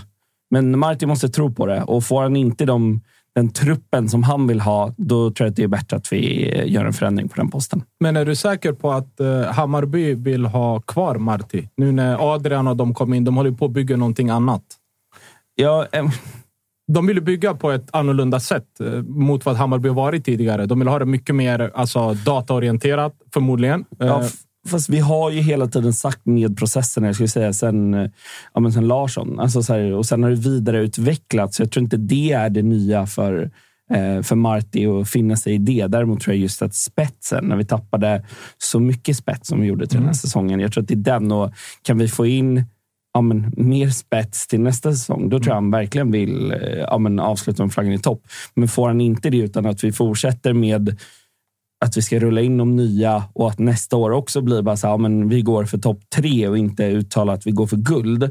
Ja, men det är en väldigt stor, väldigt stor skillnad i det truppbygget skulle jag säga. Sen tror jag väl typ att det bara är Malmö som kommer att gå ut och säga att vi går för guld. För att man sätter ju också upp sig själv för arkebusering genom att säga att vi går för guld. Ja, jo, men du ser... Kommer man tvåa då så kommer det ju finnas folk som säger ja, ni misslyckades. Ja, jo, men det blir, det blir väldigt stor skillnad skulle säga, på hur vinterfönstret ser ut. Och lyckas vi förlänga med Rabi, ja, men bara det är en tydlig signal vart vi ska nästa år och att man dessutom plockar in de spetsvärvningarna i vinter som vi behöver för att kunna utmana nästa år. Men det finns ju också, där du ser det sista med Rabi, är ju, det måste ju som den här klassiska ordet, man måste vara två för att kunna dansa tango. Liksom. Precis. Och det, mm. alltså är de här, så Hammarby kan göra vad, förlåt att jag svär men vad fan de vill. Men vill inte Erabi och det finns bättre grejer utomlands, då kommer det inte bli så. Då har ju Hammarby gjort det de kan. Ja. Förstår ni var, ja, ja. vart eh, jag försöker komma? Men tillbaka till Marti. Jag tycker att Marti gjort ett jättebra jobb i år. Jag kan, jag, om Hammarby skulle vilja byta eller inte byta, eh, för mig spelar det ingen roll. Men jag tycker att han har fått oförtjänt mycket kritik av Hammarby-supportrar. För med den truppen eh, är truppen är egentligen, okej, okay, de kanske ska vara bättre än Kalmar. De kanske ska komma före Kalmar, men de är inte nära någon av de andra fyra. Nej, det tycker inte jag heller. Nej, så den här kritiken som han har fått är att han har backat hem defensivt nu. Utifrån hur jag ser fotboll, därför att han har haft för dåliga offensiva spelare. Han ville spela på ett typ liknande sätt som, som han gjorde med dem förra året, men de här spelarna var inte tillräckligt bra. Förra året så kom de upp, de passade bollen för att de skulle ha jättebra positioner i defensiven när de anfaller, så off i def-positionerna. Men nu hann de aldrig ställa upp ens förrän någon tappade bollen och så blev det kontring. Och till slut så tycker jag att han gjorde helt rätt. Ändrade till en femback, Ta ut de offensiva spelarna som inte producerar ett piss egentligen. Och sen lägg in de här backarna. Nu är vi stabila defensivt och så får vi där vi får offensivt. Och jag tycker att han har gjort ett jättebra jobb. Sen förstår jag att många eh, eh, Hammarby-supportrar Hammarby är besvikna på att det inte händer något mer. Alltså, är du med? Som igår var Djurgården... Eh, Hammarby var jättedåliga igår faktiskt. Men jag förstår att man är besviken, men då ska du inte, jag tycker inte du ska rikta din besvikelse till Marti i det här fallet. För det är för många bra spelare som har försvunnit och du har lagt in massa ynglingar. Och, som har gjort det väldigt, väldigt bra. Men det är fortfarande många som Besara också var inne på att de har inte allsvensk erfarenhet. Och det, är inte, det kommer många spelare från utlandet som varit proffs och så kommer de till allsvenskan första året och de är rent ut sagt skit. För allsvenskan är mycket svårare än vad folk försöker få det till. Ja, och sen så alltså det folk haft, alltså det du är inne på med Erabi, detsamma gäller ju Marti. Alltså, vill Marti vara kvar? Men det är det- ju också det- en eh, fråga här. Det är inte bara att Bayern ska bestämma sig för att ja, men vi vill ha kvar Marti. Marti ska ju vilja fortsätta också.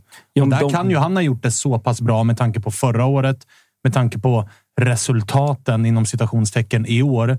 Så kan han ha gjort det tillräckligt bra för att locka till sig intresse från, vad vet jag, Polen, Han Danmark. har redan gjort det. Han- det finns redan intresse för en vill, han, gubbe. eh, vill han fortsätta? Det är också en fråga som Ja, återstår att se. Jag tror att det mer handlar om ett samförstånd mellan styrelsen och Marti. Att det här är det vi kommer göra. Vill du vara med och bygga vidare sista året och göra det jobbet och är det minsta tvekan där, nej men då är det Marti out. Absolut. Eh, Men jag håller med dig. Jag tycker att han har gjort det jättebra i år med det materialet. Och tittar man på igår när Bayern faktiskt är det bättre laget. Jag tror att det är ungefär 20 minuter i andra. De har en period ställer- i första också, faktiskt, där Hammarby är, efter Djurgårdens den här tuffa press i Mm. början, så har Hammarby en liten period.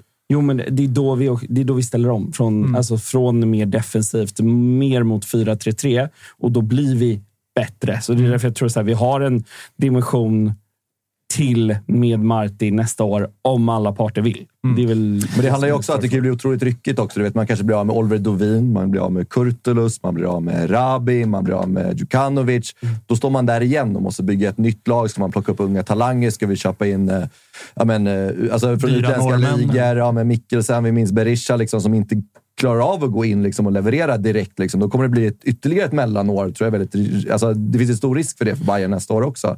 Om de där spelarna försvinner. Och sen tror jag att tappet av Bojanic och Ludvigsson var mycket, mycket större än vad man kunde Men kan räkna inte- med. Framförallt på Janic. Ja, Men kan så inte det han... var- Han har väl eh, då... I, nästa år har han väl varit utomlands i ett år, eller? Han skulle ju komma hem efter ett år i Sydkorea, va? Det är två år för skattereglerna. Är det två år? Ja. Är det inte ett år?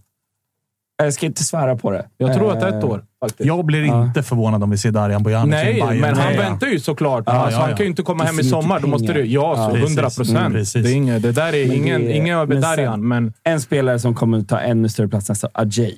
Han alltså, nu har han tagit bort sina misstag och han är jätteduktig igår igen. Han kommer också vara ja, men, en potentiell jättefin försäljning, men också kunna ta den platsen. Om ponera att Kurtulus sticker i vinter. Ja, men, och sen får vi se hur det blir med Fenger. Men har vi Fenger och Ajay som mittlås nästa år med, eh, ja, eh, då, och vi spelar en 4-3-3, då är jag inte alls lika orolig eh, som även fast Kurtulus skulle gå. Vi eh, skiftar till lite blårandigt fokus då i Mm. eh, detta derby. Det var ju ett Djurgården som eh, till stora delar var bättre än Bayern. Vad nu det spelar för roll i ett i en 0-0-derby. Men, Kommer till skott på mål. Liksom. Ja, men exakt. Alltså, det, ni sätter en jävla press från början, men det är fortsatt offensiven som inte riktigt klaffar. Verkligen, verkligen. Jag tycker vi gör en supergedigen insats eh, som man kanske inte riktigt sett tidigare i derbyn heller, där vi verkligen liksom sätter defensiven. Jag tycker Bayern kommer ingenstans nästan hela matchen. Jag tror inte ens att de har ett skott på mål om jag ska vara ärlig. De har inte det. Nej. eh, så att jag tycker liksom defensivt ser det superbra ut och någonstans var det liksom så här, men vi vet hur det har gått i derbyn historiskt. Att så här, vi har problem och att vi kan göra den helgjutna defensiva insatsen. Jättenöjd, men lika missnöjd är jag med framåt. För det var helt... Eh, jag inte, bästa chanserna, det är ju Lukas Bergvall som kommer till bästa chanserna. Han har ju skottet, han har nicken. Eh, Mosa gör... Eh, ja, totalt osynlig igår och man börjar bli lite så här, vad, vad händer där? Uh, ja, vad fan tänker han där? För att, alltså, nu, har det ändå, nu har det ändå gått... Eh, vi, Nordin har sagt det redan i avsnittet att vi ska inte döma för fort. Men det var, vi minns ju också hur snacket gick va? Verkligen, När Mosa skulle- kom. Att det var Torino som var där och det var hit och det var dit. Och Hannover vilken, kanske nämndes. Ja, och det här är en spelare som är alldeles för hög hylla för allsvenskan egentligen. Men det där krutet är blött alltså. Ja, det funkar inte alls. Och vi vet att det tar tid att liksom komma in i de här trupperna. Och vi har sett det i Djurgården innan också. Liksom. Vi såg det med Azor och vi har sett det med Kadewere. Det finns en uppsjö av spelare där vi har sett det innan. Eh, men jag tycker igår... Jag vet inte, han har ändå visat att han är ändå så här suger, du vet, så här, visar upp sig, vill ha bollen, fördelar bollen. Han försvann totalt igår. Vann inga dueller, fel i löpningarna. Och så här, han kom ju också in med liksom den pressen att så här, utifrån och även inifrån Djurgården, att nu ska vi köpa in en nia som ska leverera direkt. Och han har gjort två mål hemma mot Degerfors. Och det händer inte alls mycket där framåt. Och sen så har vi Felix Vasien. Eh, han skulle ha startat igår, blir sjuk. Eh, jag tror han hade gjort det jättebra, visat upp senaste matcherna också att han är en spelare för det här laget som kommer göra skillnad. Eh, hårt slag att liksom han är borta och jag vet inte, det, framåt såg det superuddlöst ut. Och det är ju någonstans målen som ska göras om vi ska gå och vinna de här matcherna. Det är kanske inte liksom kravet att Lukas Bergvall ska gå in och göra de där avgörande målen, utan det ska ändå vara på Falenius och Haris och Mosa där framme som inte alls kom in i matchen tycker jag. Nordin, vad ser du i Musa Gurbanli? Får jag ta upp den här flaggan igen då?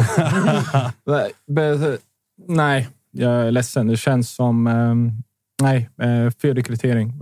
Där jag ser så... Han funkar egentligen inte i någonting. Eh, vi hör ju att eh, Kim och Tolle skyddar ju, har ju skyddat honom utåt. Han, eh, han har de bästa avsluten vi har sett. Eh, Jag är ledsen, jag ser inte det. Ja, men känns lite för långsam också. Liksom, kommer inte på de där Allt. Men om du tänker Mille Skog, igår när han kommer in så tänker du, oj, vad fan händer nu? Alltså, det hände någonting, men enda Mille Skog gjorde var, var bara sprang. Mm. Alltså, det hände ju ingenting där heller, men det ser, oj, nu hände det någonting i Djurgården. Att han, var, han springer ju på alla bollar. Han kör. Musa Mosa kommer in, pressar fel. Han är helt otajmad, dålig touch. Eh, nej, men jag... Nej. Och Miliso ska ju inte heller vara den spelaren nu i Djurgården, att han liksom ska gå in och vara den dominanta spelaren där framme. Det har inte han, han har inte kommit in i Djurgården med det ännu, liksom, de kraven. De kommer komma längre fram. Men så här, fan, hur avslutar vi den här matchen? Det är liksom Lukas Bergvall får liksom spela vänsterytter, sen blir han högerytter. Vi avslutar med, eh, vad fan har vi på topp? Av Milleskog och sen kommer väl Pierre Bengtsson in på, visst kommer han in på vänsterkanten? Han- han Eller är det Dahl som går upp? Nej, han, han kom in istä, i, istället för... eh, Vilka var det som var? Kaib var på, på sidan också. Pierre, han kommer in och då... Hur fan gör de då? då För Harris går ju ut. Exakt. Och då, och Falenius går ut och så kommer Findell och eh, Bengtsson in. Bengtsson kom in, exakt. Hur fan gjorde de då? Jag Är måste det Bengtsson vänsterytter, Ja, men du- du Milleskog hör ju centralt liksom och att Lukas det Bergvall liksom- högerytter? det är Det är ingen- ingen- det är inget lag som vinner resten. Bergvall gick ganska tidigt ut på en kant. Ja, han gick ut på vänsterkanten. Ja, exakt. Han är ganska tidigt. Jag kommer fan inte ihåg hur de gjorde. Jag kommer ihåg att jag reagerade på, okej, nu går han för eh, Kaib också.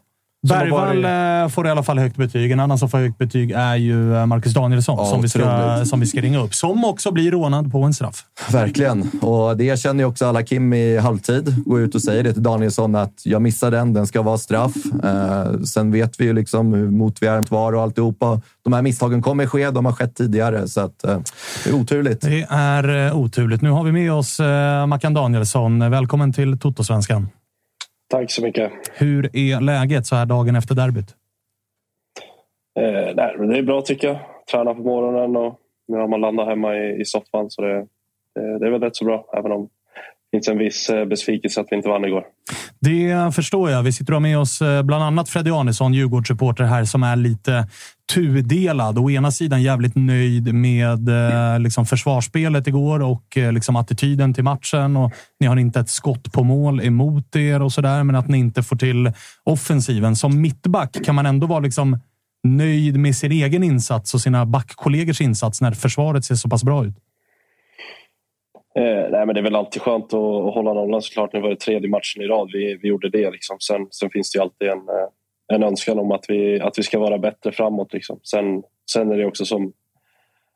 Eh, liksom, det är inte bara, bara vi där bak som, som gör jobbet. Eh, nu blev det väldigt... Eh, vi stod mest och väntade på, på att Hammarby skulle sätta igång bollen och det är de längst fram som, som liksom börjar, börjar försvarsspelet och det gjorde de ju fantastiskt, eh, vilket underlättar för oss tillbaka. Du, vad känner du kring eh, offensiven då? För vi, vi eh, sitter här och diskuterar och grubblar på vad det är som, eh, som inte riktigt klaffar. Vad känner ni själva är anledningen till att det, det, ni inte får till det framåt? Eh, nej, det finns väl olika, olika delar i det såklart. Det är väl kanske en grej är väl att vi för ofta väljer det, det enkla alternativet att, att spela, spela, spela bollen till ytor där det inte blir så, så farligt. Vi hamnar ofta ute på, på kanterna ute och, och eh, kanske inte slår in bollen i boxen tillräckligt ofta. Eh, eh, så det är, väl, det är väl kanske det. En eh, spelare som eh, diskuteras såklart och som värvades som liksom lite av en prestigevärvning är ju Musa Gurbanli. Vi som bara ser matcherna och inte ser träningarna. Du, du ser ju honom dagligen. Liksom. Vad, vad, s- vad säger du om honom? Det pratas ju om att han har otroliga avslut och sånt, men han kommer ju inte till så mycket lägen när det väl är match.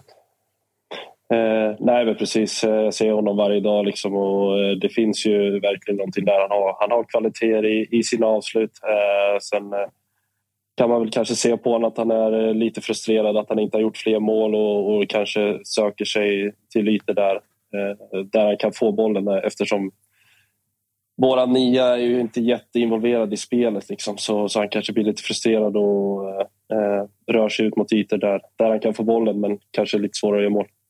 Du, eh, om man zoomar ut lite grann ifrån eh, det här derbyt så pratades ju Djurgården som kanske den stora utmanaren till Malmö den här säsongen och hos vissa till och med guldfavorit. Vi har tre matcher kvar av säsongen, men ni har ju hamnat i, i en position där det är väldigt långt upp till tredjeplatsen. Det är en liten bit ner till, till femteplatsen. Liksom, kan, ska man säga att den här säsongen är ett misslyckande eller med tanke på för, förväntningarna inför? Eller hur känner ni själva?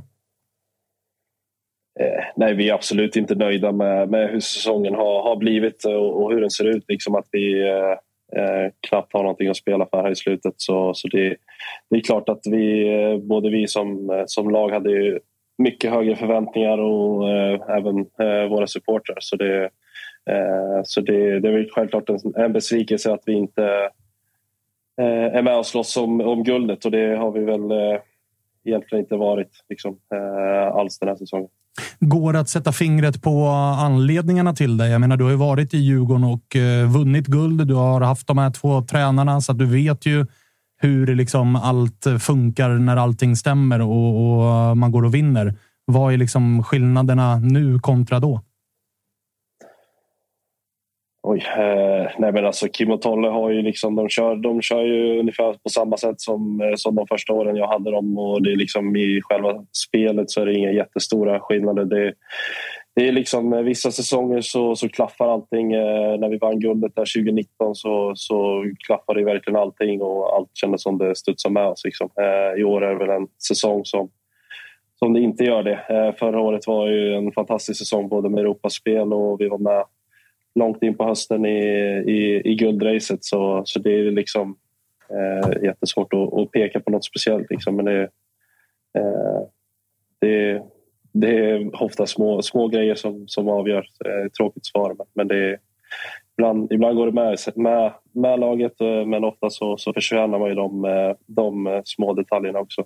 Har det varit ett, förstå frågan rätt här, men har det varit ett, du, jag menar, du har suttit i, i karantän i Kina väldigt länge. Då är ju allting frid och fröjd jämfört med det. Men har det varit ett turbulent år med tanke på det har varit ganska stor spelarrotation och det har stundtals till och med varit mycket liksom snack i media där det har blivit, eh, jag ska inte säga pajkastning, men det har varit situationer som har uppstått som kanske kan påverka en harmoni i ett lag och sånt. Det, kan det vara en anledning till att det inte har gått så som ni hoppades? Eh, nej, det, det tror jag inte. Jag tycker inte det har, har stormat så jättemycket. Vi, det, det fanns ju en situation runt klubben under förra, förra hösten som, eh, som blev rätt uppmärksammad och det, det påverkade oss eh, inte nämnvärt då. Liksom. Så det, det är väl inget som man kan, eh, kan skylla på det här året. Eh, vi, vi har inte varit tillräckligt bra helt- enkelt för att vara med där uppe i toppen. Eh, och det är väl... Eh, vi, har, vi har varierat alldeles för, för mycket i våra prestationer. Det är väl... Pratar om Kim och Tolle, liksom deras sätt att spela. Det är, ofta synonymt med, med att hålla en väldigt hög lägstanivå. I år har vi tyvärr haft en för låg lägstanivå. Liksom. Vi har haft matcher där vi... Eh, ja, vi har väl tre matcher där vi har släppt in fyra mål. Liksom. Och då, till exempel. Eh, och, och gjort eh, några riktigt dåliga insatser i, i vårderbyt mot Hammarby och, och höstderbyt här mot AIK. Liksom. Så det, så är det. Ja, men, eh, vi var, Stoffe var lite inne på det också. Hur upplever du liksom, egen, egen- del den här säsongen? Liksom? Du börjar säsongen med Gracia som eh, mittbackskompanjon. Sen blir det Lövgren, sen blir det Rune Larsson. Hur mycket påverkar det dig och defensiven liksom, när det blir så hackigt? Nej, inget, inget speciellt tycker jag. Eh, jag bara, för, min, för min egen del så känner jag att jag har haft en stigande form hela, hela året och det spelar egentligen ingen roll vem, vem jag spelar med. Liksom. Jag har väl egentligen eh, första gången i år på över tre, fyra år liksom, som jag haft en kunna bygga upp mig från, från scratch och inte haft de här avbrotten som jag hade under åren i, i Kina och, och även under förra året där jag kom in eh, under sommaren eh, och egentligen bara spela matcher och inte tränade. Du, eh, tillbaks till eh, derbyt. Vi hade Nahir Besara här med oss eh, tidigare i programmet och jag ställde frågan om, och detsamma gäller ju dig. Du har ju spelat många derbyn nu för, för Djurgården och vi pratade i fredags om att det här derbyt kändes ja, men så aningen avslaget jämfört med hur derbyn brukar vara. Det brukar alltid vara något lag som spelar för guld och något lag för Europaplats och något lag kanske håller på att åka ur något år. Vad vet jag? Men eh, det här derbyt kändes lite på förhand som att det var lite så här. Ah, det fanns inte den där riktiga, riktiga, riktiga glöden. Kände man av det som spelare också? Att det inte var som det kanske brukar vara? Eh, nej, men lite så kanske. Det var ingen, eh, ingen sprudlande match. Jag såg om den själv i, igår när jag kom hem och det, eh, det var väl inte jättehögt un, högt underhållningsvärde så, eh, så det var väl... Eh, eh, jag kan väl hålla med om det. Eh, sen, sen är det alltid väldigt kul och liksom Derbyna är fantastiska. Det är en otrolig känsla att spela dem varje gång. Så det är, det är någonting extra. Så. Men, nej, absolut så, så kanske det var något, eh, det lilla sista som saknades. Eh, eh, Mackan, eh, vi pratar mycket om ert försvarsspel, att du har bytt kompanjon ganska mycket. Bredvid dig med Lövgren, Gracia och nu Una Larsson. Men under hela året, tycker, jag tycker att det funkat jättebra. Även om du kollar statistiskt så har ni bara 13 eller 14 nollor i år. Det är något sånt där.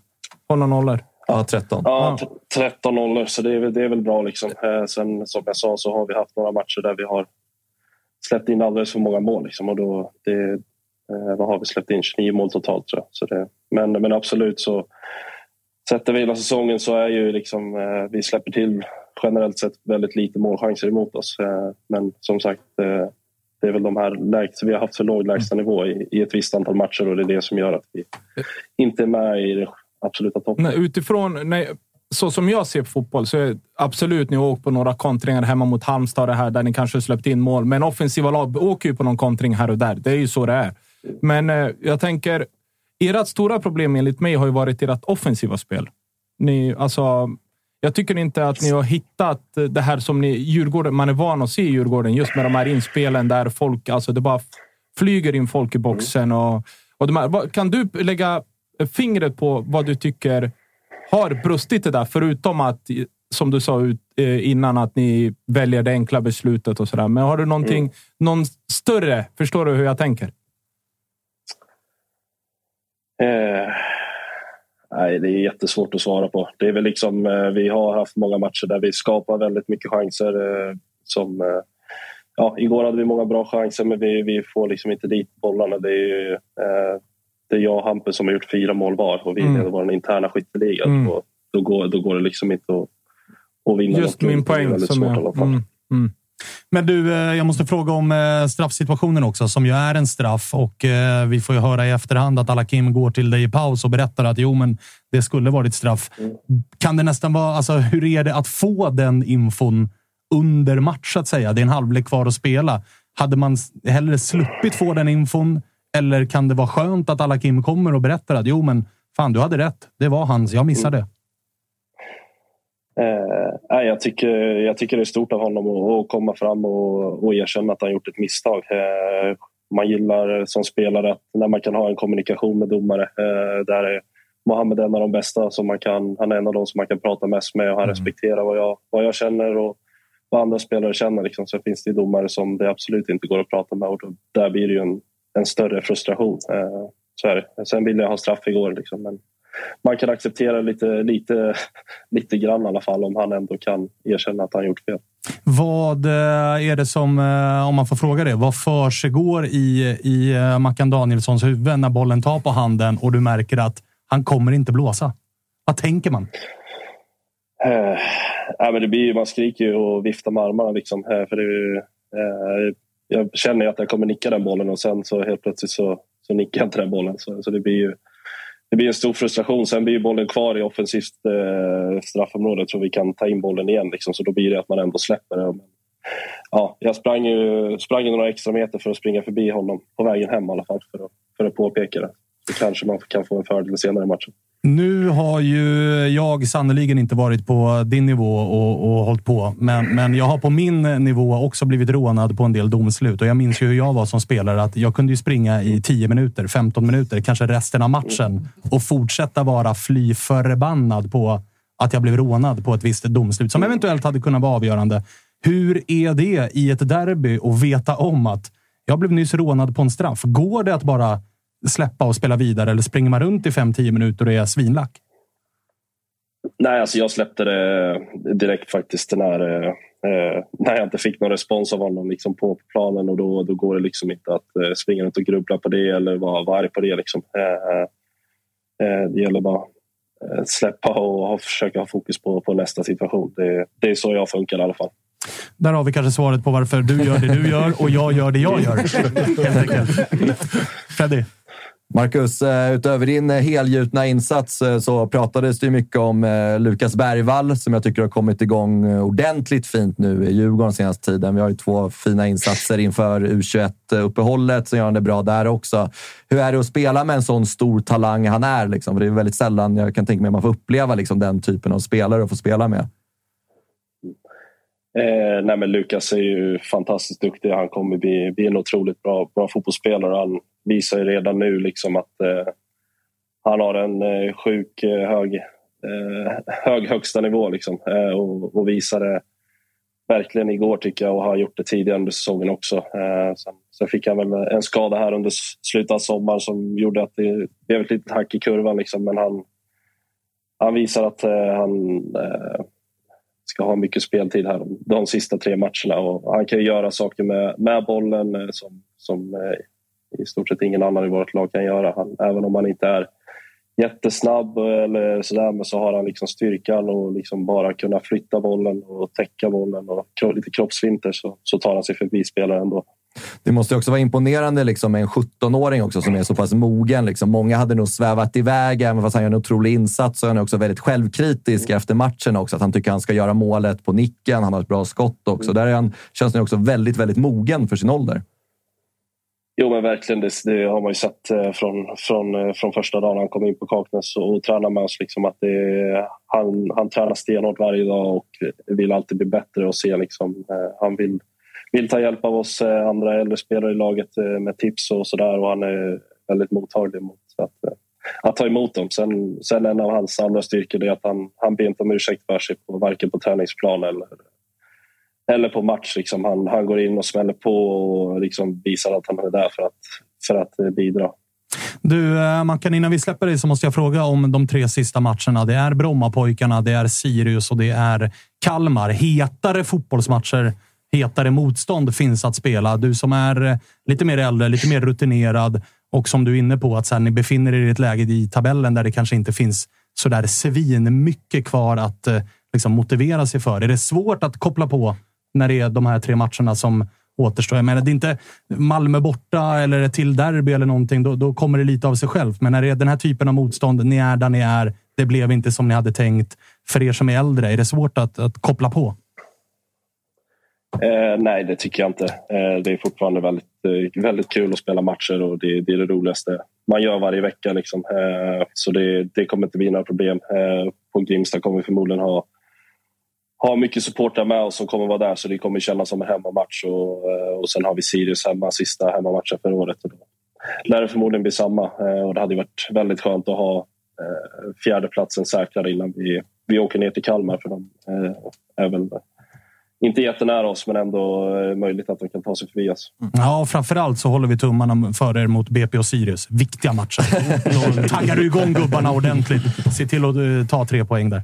Du, uh, tack ja. för att vi fick ringa. Ha det fint. Ja, ha det bra, ja, ha det bra. Ha det bra. Ciao, ciao. Ja.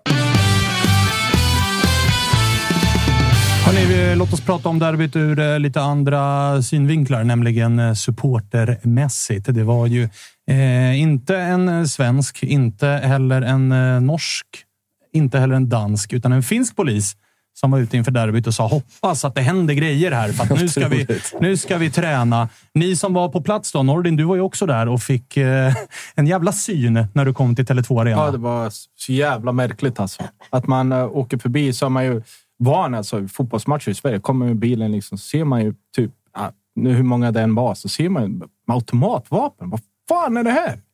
Det var det, min första tanke. Vad fan har jag kommit liksom?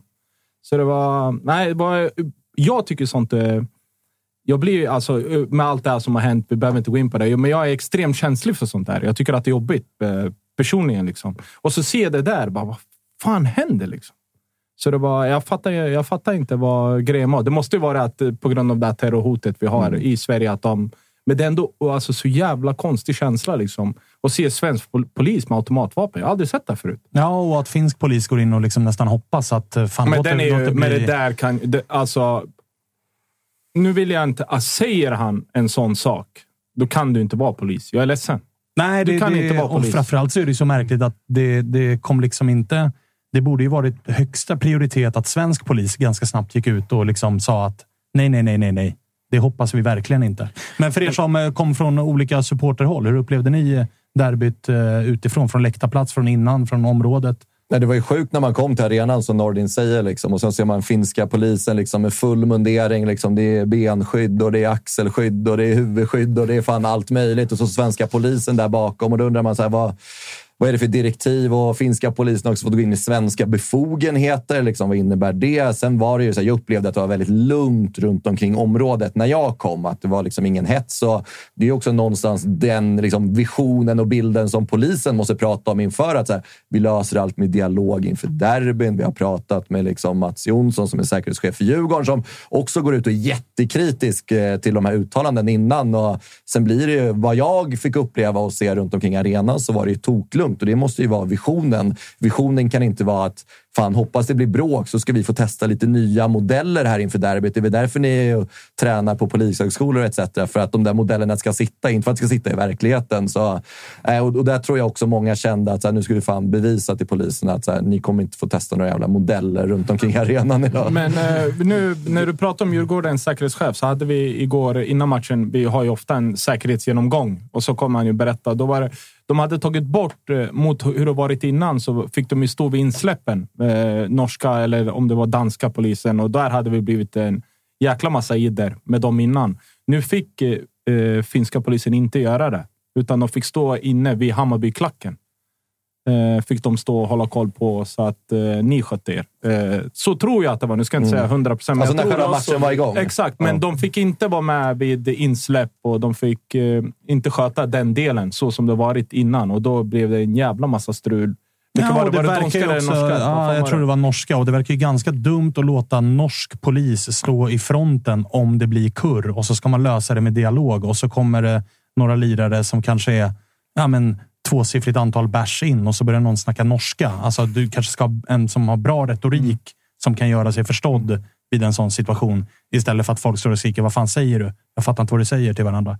Så bara den modellen var ju liksom dömd att att misslyckas. Nej, men de hade, svensk polis hade faktiskt eh, de som är ansvariga för när de här hände. Då tror jag att de, de tog bort dem på grund av Ja, det, det här uttalandet. Nej, men att de tog bort dem från att vara synliga just i de fallen vid insläpp och vara runt supportrar. Och de enda de skulle vara var typ vara runt Hammarby om det skulle ske någonting. Alltså, Men du, jag såg inga finska poliser. Eh, Bara, jag stod på nedre igår eh, och jag såg inga finska. Däremot så var det många svenska poliser på insidan vid, eh, alltså, vid kioskerna och det. Och det brukar det inte alltid vara, förutom när det är kurr. Liksom. Då, då kommer de snabbt in. Men det var, det var betydligt mer poliser. Sen så var det lite kurr, typ en timme innan matchstart så eh, började det hagla grejer där uppifrån mot vår entré. Där vi, men det var fem minuter, sen så var det borta. Sen så var det väldigt lugnt. Ja, men så på det stora hela ett ganska lugnt derby. Ja, men verkligen. Både på och Det var- utanför plan. Ja, ja, Men var- eh, fet eh, Bajenkorre får man säga. Tre olika steg där man hyllade matchtröjan. Ja, det var, det var skithäftigt att se i efterhand.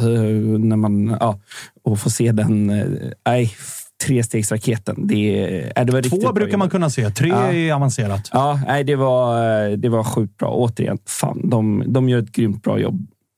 Inte, inte, även- bara, inte bara bajare. Där måste vi ändå där, fortsätt bidra till det där. till Ja, ja, ja, jag tänkte komma till det. Djurgårdens eh, också Grym. klassisk Ja. kaos-tifo. Ja, verkligen. Och där såg man ju många på Twitter liksom under matchen undra vad fan det händer. De har aldrig sett ett kaos-tifo innan. Liksom. Det är klart att vi har blivit bortskämda med alla fe feta overheads liksom, och alltihopa, men det här var ju också någonstans back to the roots och var jävligt fett faktiskt. Och sen så efter det, tyst minut. Folk kan inte hålla käften på läktaren. Man blir så otroligt besviken att man ska använda en tyst minut för två svenskar som har gått bort i ett terrorattentat nere i Bryssel. Och så ska man stå och prata egna politiska budskap på läktaren som inte har någonting med det där att göra. Som tur var togs det hand om. Personerna åkte ut, vad jag har hört. eh, Att de fick inte vara kvar på läktaren. Men det är förkastligt att använda en tyst minut för liksom, de här två personerna som gick bort, Patrik och Kent, för den typen av budskap. Det är under all jävla kritik, tycker jag. Det håller jag med om. Och det Jag håller med om det. Men någonstans så måste man också börja om. Hur många, vad var det? 28 000?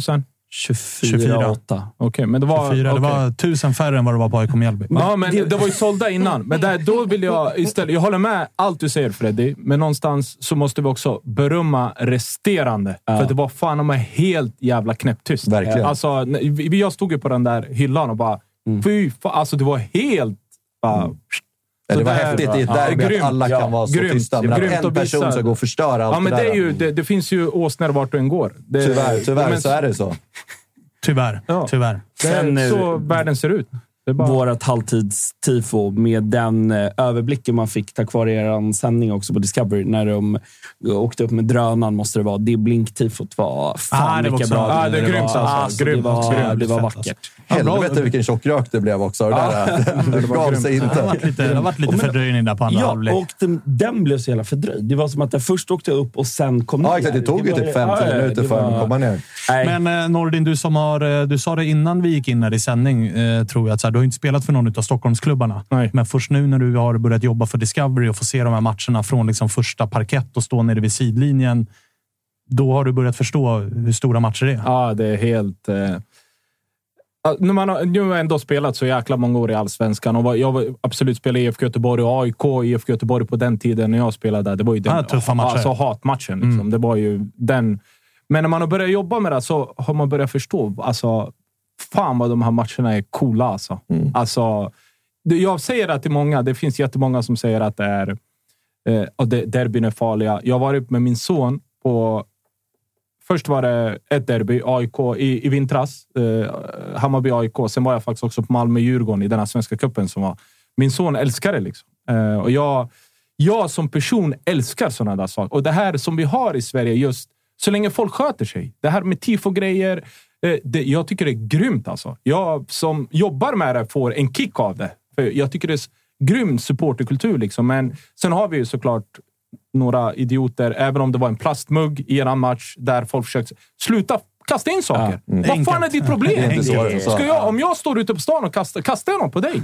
Är, är du störd? Alltså det, min grej är ju så. Liksom. Jag håller med dig. Sluta kasta in grejer. Gör alla de här grejerna som vi gör, för det höjer ju den produkten vi har. I Och, och, och där har vi också en kultur som har börjat byggas också, att folk tar tag i det också på läktarna. Ja. Vet, ser man någon som kastar in någonting som förstör, lite som det var med knallskott innan eh, pandemin, liksom, att det får inte ske. Samma sak nu med kasta in grejer, att folk agerar på läktarna Det är, också där, så, det är dit vi måste komma. Istället för att hoppa på mig på Twitter som att jag gör någon stor grej av det. Jag vill inte göra någon stor grej av det. Men istället lägg din energi på att ta bort en jävel som kastar in. Även om det nu är ett plastglas. Vilket absolut inte är någon fara. Men det är fortfarande... Ska jag stå och kasta plastglas på dig ute på en krog? Det gör man ju inte. Ja, folk kommer in här och börjar kasta glas på oss. Nej, men det, det gör man ju Ja, inte. men det handlar inte om det är ett plastglas. Det, det ska inte in. No- Ingenting, ska, ingenting in. ska in. Sen om det är Slut. plastglas eller en glas... Nej, så här, alltså, det där finns bara in. ett sätt att lösa och det är genom egen... Alltså Ja, det ja, löser vi genom ja. egna Ja. leden. Och jag tror som Nordin är inne på att ett problem blir när... Säg att det är aik som kastar in, eh, fan vet jag, någon jävla sån här tiforulle som träffar, snuddar domaren och så blir det avbrott.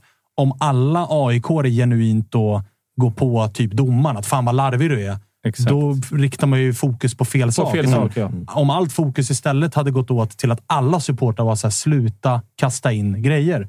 Då kommer ju det sprida sig och då kommer det försvinna. Det är den retoriken vi måste ha. Sen kan inte alla 24 000 gå och leta efter Nej, personen som kastade glaset. Så funkar det inte, men alltså, vi måste se till att städa bort det där själva. Ja, det kommer är inifrån. enda- Det kommer aldrig komma ut. Det är som sättet att få bort det. kamratuppfostran. Men där, så, exakt så är det. Och också där, det som har blivit nu på senare tid, det är att svensk supporterkultur har ändå jävligt mycket röster emot sig.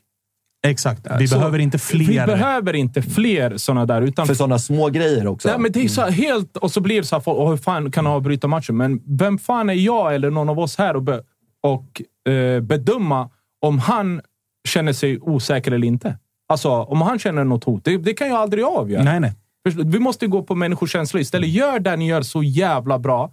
Fortsätt med alla de här tifo-grejerna. Jag älskar när det är bengalbränningar, när det är ihoppat. Jag älskar ju sånt. Det, jag tycker om det. För det tycker alla om. Men sluta med den andra skiten, för det, det, till slut kommer det bli att det kommer, den här villkorstrappan kommer komma i, i, alltså på tal igen. Liksom, och då, får- då är det ingen av oss som vill det. Liksom. Och sen kommer det ju tyvärr vara incidenter varje år, men nu kollar vi avslutningen. av De sista derbyna har varit väldigt lugna liksom på läktarna. Sen så vad som händer utanför, det är utanför ens kontroll. Men det som hänt inne på arenorna har varit väldigt bra, välordnade 100%. derbyn nu senaste tiden. Det var Djurgården-AIK liksom senast, men det kommer ske. Det är, liksom, det är folks engagemang. Vi kan inte hålla på med cherry picking, men i det här liksom, kulturen och alltihopa så finns det de grejerna. Det kommer ske Det finns ju grejer som vi ganska lätt kan städa undan. Verkligen, det borde vi verkligen, verkligen, lägga fokus verkligen på. så. Men eh, som spelare då, Nordin, vi har ju absolut inte någon av oss andra här inne varit på den här nivån. Hur stor skillnad är det mentalt, tror du, att spela den här typen av matcher kontra en vanlig match i serielunken? Jättestor, tror jag. Och hur Personligen. imponerad är du då över en sån som Lukas Bergvall som kliver in 17 bast och typ är Djurgårdens bästa spelare i en sån här match? Jätte. Det var, jag hade ett uttalande igår i tv där jag sa att eh, nu kommer jag inte ihåg exakt vad jag sa, för ofta du ser så jävla mycket och så rep innan. Ja. Alltså, jag kommer, jag, efter sändningen så står jag, jag kommer inte ihåg vad jag sa. Jo, jag sa det. Nej, du sa det där innan. Alltså man, jag vet inte. Men det jag försökte säga igår är att som 17 år i en sån där match, ändå ett derby där jag sett många äldre spelare få bajs i brallan och gå in och göra den är ju för mig så jävla imponerande. Jag tycker att han gör en mycket bättre match igår än vad alla sa innan var mot Häcken. Alltså, där alla höjde honom. Jag tycker att han gör en bättre match igår. Sen, när jag säger han gör en av de bästa insatserna som en ung spelare har gjort. Absolut, men det finns, vi ska inte glömma, det finns Hugo, eh, Malmö som har gjort i de stora matcherna. Vi har AIKs Alexander Isak som gör två mål i ett derby på sin 17-årsdag. Men fortfarande så tycker jag att det här är en av de bättre prestationerna jag har sett av en 17-åring göra i en sån här stor match. Och där står jag stadigt. Och där man tänker liksom rent alltså, tekniskt och sådär så har vi alla sett att så här, det här är en enorm talang det och han är så duktig. här- Och är det det som gör att du tror då... Alltså, var det där ett bevis på att okej, den här killen kommer verkligen gå långt för att han har skallen också? Ja, men jag har en grej som talar... Inte, jag ska inte jag har en fara i det här också eh, med Lukas. Det är... Jag vet att jag är inne på och tjatar så jävla mycket om det. Jag präntar in det i folks huvud. Men vad sa Sonko innan? Vi har problem på gräs. Mm. Det är den jag är orolig för med Bergvall. Att fotboll på gräs och fotboll på konstgräs är inte samma sak. Och där är ju Danielsson också inne på en grej med, eh, när vi nu när du säger det, när vi bad honom beskriva Lukas Bergvall. Att så här, ah, det går inte att komma åt honom riktigt. Han gör sina kroppsfinter och sådär. Och det har vi pratat om ganska ofta. Att på konstgräs är det alltid svårt att komma in i press på spelare, komma in i närkamper på spelare. Så då är det väl... Han har visat att han klarar det mentala i stormatcher. Han har visat att han har de tekniska färdigheterna. Men du vill se honom också göra det här Ja, på gräs. På gräs och under, alltså, är du med? En, under en lite längre period. Jag tycker att han gör en jätte, jätteinsats mot Häcken. Sen tycker jag att han är svag ganska länge. Ja, han Så- får ju skadan också. Uh, jo, men efter det så har de ju, jag tror det är Värnamo borta och den här där han är ruggigt dålig i första 45, eller om jag minns det helt rätt. Jo. Eh, sen har han ganska, några svaga insatser, så blir han skadad och sen får han göra det här målet mot Halmstad, U21-grejen och sen kommer den här. Så det, alltså en ung spelare där folk måste förstå det att det kommer gå så här. Det Tycker du kommer- Djurgården har gjort rätt där som liksom har successivt jobbat in honom i truppen? För det var ju många som liksom ville se honom redan i våras starta mycket mer matcher. Men nu ser vi också att han kanske inte var en färdig lirare i våras. Alltså han är långt från att vara en färdig fotbollsspelare. Mm. Men nu börjar man se vad någonstans man tänkte man skulle se i våras. Sen är det, ja, eh, jag ty kan tycka både, både och. Men någonstans så måste du också förtjäna att spela. Du spelar i en klubb som Djurgården. Det är inte bara du är 16 år in och spela. Han Det kommer också till så. ett färdigt mittfält med Ja. Findell, Mange, Schüller. Du, du måste få en grupp att köpa att han ska spela. Det, det går inte. Du kan inte motivera för en grupp. Han är ung. Vi ska sälja honom om ett år eller två år, så han måste få spela. Men vi kommer inte kunna vinna för att vi har en spelare som är sämre än många andra. Förstår ni vad jag försöker säga? Mm. Sen vet inte jag. Det är ju det som blir ett problem för mig att uttala mig jättemycket av den här. För jag ser inte träningar varje dag. Jag skulle jättegärna vilja göra det. Åka och kolla på varenda träning alla lag har. För att då skulle jag få ännu bättre uppfattning om hur spelare är. Där jag bedömer det är de här 90 minuterna från vecka till vecka. Och där så tycker jag Lukas visade för mig igår att han har det här lilla extra. Och då snackar jag inte om det här på plan, utan jag snackar det här uppe. Mm. För att en 17-åring går in och göra den. Jag tycker han är klart bäst ihop med Danielsson i Djurgården. Dahl var ju också bra. Verkligen. Men alla chanser som kom, Djurgården har är hans inspel till Harris. Hans Dahl snett inom bakåt. Där ska ni försöka göra mål. Där var det Mm. dåligt. Sen har han nicken och sen har han den här bissan och sen har han något mer inspel. Allt kretsar ju kring honom. Sen så pratade jag med honom efteråt. Det finns en grej som en innermittfältare, om du ska bli riktigt, riktigt bra, så måste du kunna ta kontroll över en viss yta på planen. Och det är den här som vi alla snackar om, spelyta två. Den här mellanskiktet. Inte speluppbyggnad, utan det här mellan innan du går till tredje. För det är där du kontrollerar fotbollsmatcher. Och där har han saker att jobba med. Och det kommer ju komma med tiden. För jag, jag ser honom nu person som en gjuten spelare i startelvan. Jag tycker, för nu är det också. tre matcher För kvar, men med. För mig med. han ska ju Ja, bara fortsätta Han ska spela. bara fortsätta. Nu är, det ju, nu är ju Djurgården där är. In och kör honom. Och igår visade han ju också att han är värd att fortsätta Och spela. där blir det ju, alltså där Bayern eventuellt har frågetecken då kring Erabis framtid. Djurgården sitter ju på ett långt kontrakt med Lukas Bergvall. Eh, Sitter de så långt då? Eller ja, det är ju två år till i alla fall Ja, efter det här. Så att de har ju, vill gå klart gymnasiet i Sverige och alltihopa. Jag tror det är samma där. Hur, alltså, nu, eh, någonstans måste det ju ha gett eko. Alltså det här. På, på två veckor, eller vad det är, en och en halv vecka, så går han och gör vad han, tredje yngsta spelaren som gör mål i U21. Sjätte yngsta spelaren som någonsin får spela. Är det, jag, jag Ja, tror, att jag, någonstans. jag, tror jag är rätt på det där. Eh, Och sen går in och gör det här derbyt. Och sen är du 17 år. Jag, jag har svårt att se att... Och sen The Guardian släpper sin Ja, lista, ja, topp men- 60. ja, liksom. Exakt. Jag har svårt att se att... Jag vill verkligen Erabi. Jag tror det vore jättebra för honom att få spela klart ett år till där du spelar i 30 matcher och gör din grej. Jag skulle vilja samma sak med, med Bergvall. Eh, Men sen har du... eh, Kolla Hugo. Där har du egentligen det perfekta. Kommer in en höst och spelar. Då har han ju spelat ett år. Liksom och verkligen varit ordinarie och drivit på det där. Nu åker han ut till tyska och är typ bäst varje match nästan.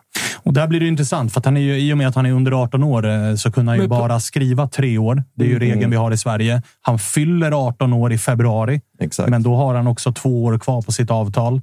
Kan Djurgården förlänga det? Annars kommer Djurgården hamna i en sits. För jag Ja, tycker. Ja, men jag tycker också att Djurgården borde... Han ska starta resten av de här tre matcherna. Den här vintern som kommer ska han, liksom, han ska vara en, en ordinarie spelare i Djurgården hela 2024. Men kommer Djurgården lyckas förlänga det kontraktet? Annars sitter man där efter säsongen 2024, har ett år kvar på sin stora juvel. Ett år kvar på ett avtal är ingenting, vilket gör att värdet sjunker. Och där ska det bli intressant att se, för Djurgården har ju verkligen råd att säga nej till bud den här vintern, för den kassan har man byggt upp. Men kommer man kunna förlänga kontraktet, skriva in ett uh, fyra, fem års kontrakt från och med när han fyller 18 år. Någon Då typ snackar, vi, ja, men då snackar vi att Djurgården nog kan få ganska bra betalt. Exakt, och det, och det är som du är inne på också. Det, det tyder mycket på att det kommer kunna ske också. För nästa vinter, då, när han har ett halv halvår kvar i skolan, du vet, han kommer vilja att Djurgården ska få bra betalt för honom. Så det skulle inte bli förvånande om han förlänger då kanske med ett eller två år till utöver det ett året han har kvar då nästa vinter. Så att, Jag, jag älskar den här supporter... jag, jag älskar den. Ja, men, Optimismen. ja, men du vet, jag älskar det. för- Gymnasiet, det Ja, Norr- sitter ju här borta och tänker det finns inte en chans att det nej, det finns inte en chans att Lukas Bergvall Men förlänger. du vet, jag, jag är också, jag är ju, alltså, jag, jag är också supporter till ett lag. Jag, alltså, men jag har varit på den andra sidan. Och det är inte, även om eh, Bergvall vill förlänga och han känner, okej, vi gör våran grej, så finns det fortfarande andra folk bakom. Där det kommer komma in, okej, du har det här alternativet och så säljer en klubb in någonting och sen har du det här alternativet. Så säljer, och så tänker du, "Ah, vad fan, Kommer någon rådgivare bara, du behöver inte ens gå klart gymnasiet Nej, mannen. men, nej, men där, har, där, där. Du är klar för livet. Men där har han ju haft bra i, i föräldrar och Kisvalodi. Där det är så nej, alltså det här ska göras. Men efter när det är gjort, vad fan händer då? Det är ju det som är... I fotboll är ju det så mycket. Det där supportrar ofta är... De dömer så jävla fort. Alltså, du vet så här, fan han förlänger inte, jävla idiot. Eller den här. Men sen, så den dagen... Ni tänker aldrig åt det här andra hållet. Där. Vad händer den dagen klubben inte vill ha spelaren då? Alltså förstår ni? Det finns den med. Ja, det finns det det, Som, det. det- vi, vi tänker ju inte så, eller jag tänker ju så. Men supportrar överlag tänker inte så. Så någonstans så måste spelarna absolut, självklart, du ska tänka på den klubb som har hjälpt dig och tagit fram dig och gjo- gjort allting åt dig. Men samtidigt så, säg att Djurgården får 50-60 mille för Bergvall. Då har han ju ändå betalat tillbaka ganska Alltså så bra. Ja, det Bra, bra, bra. Jag skulle bara dubbelkolla där. Ja, men är du med? rätt valuta. Men är du Nej, nej, exakt. Då blir det ju... Alltså, det, den, det är jättesvårt att prata med en supporter som man ska förstå. Säger. det är ju jättesvårt. Jag har ju, Ja, och men- sen kommer budet också om man kanske tänker framgent. Liksom, vad händer om jag blir skadad? Alltså sådana där saker Det också. finns jättemycket som påverkar. Det är, han är fortfarande det är ingen robot som står. Det är inte den Mm. datorn Kalle håller på med. Det är fortfarande människa som har känslor som påverkar. Det kommer så mycket påtryckningar från alla möjliga håll. Och sen, Underskatta inte känslorna i Kalles dator. nej, nej, det ska jag inte. Men du vet också, och så tänker du, okej, Djurgården vill förlänga med mig. De har gjort det jättebra för mig. Bosse har stöttat med Kiss Faludi, Kim och Tolle, resten av laget. Men så ser du, fan, oj, där var det 20 mille och här är det två. Alltså, är du med? Det, det, det går inte att... Det blir svårt för en spelare att göra så. Nu hoppas jag, jag tror även det bästa för honom är att han får spela en säsong där han är gjuten. Ja, hela 2024 nästan. Alltså, Och då har Djurgården ett år kvar. Det är ju där, och där kommer ju det problemet. Ja. Så, Då hamnar Och sen så omges också av de så rutinerade spelarna som finns i Rasmus Schüller på centrala mittfältet. Mangen lika så liksom Att han har ju bra spelare i sin omgivning också, så kommer göra att han kommer att växa. Men sen kommer ju de ju också nå en punkt. Fan, kommer vi kunna lära den här killen någonting mer? Då Nej, är det dags Han är klar här. Men Ja, det, men- det, han är klar här. där har du faktiskt också en grej. Du vet när man snackar om, kolla på de här äldre, när du spelar bredvid. Men sen helt plötsligt så kommer jag som en äldre, vill fan spela fotboll. Jag vill inte lära dig någonting. Jag vill ju spela. Det Konkurrensen. tar, alltså, men, du, vad fan, jag vill spela. Alltså, förstår ni? Vart, eh, alltså, det, vi har, det är så mycket i, i där. Konkurrenssituation, hur behandlar... Jag tror att alla... Jag känner många i Djurgården som är, och många är jäkligt bra killar. Eh, så jag tror att de gör saker och ting rätt. Liksom. Men det är fortfarande det är ju min plats. Alltså...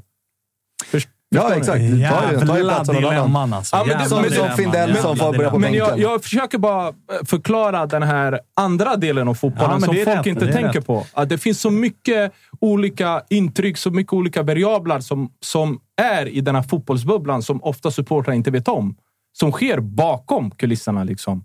Eh, Jag har nästan aldrig suttit med och spelat så. Åh, fy fan, jag vill avsluta min karriär i Örebro. Jag, jag tror inte jag har hört någon säga det, förutom idioten mig. Är du med? Och Kalle Holmberg. Ja, men, men ni fattar. Jag ska spela i Örebro hela, hela livet. Eh, förstår ni? Det alla vill, jag, jag, jag vill dra. Jag, jag vill hit och jag, jag vill eh, få en bra fotbollskarriär och automatiskt bli bra pengar. Men idag är det så stora pengar. Så det går inte att beskylla människor för att det är för stora pengar i världen. Du kan säkra din barnbarns framtid liksom, eh, då ekonomiskt.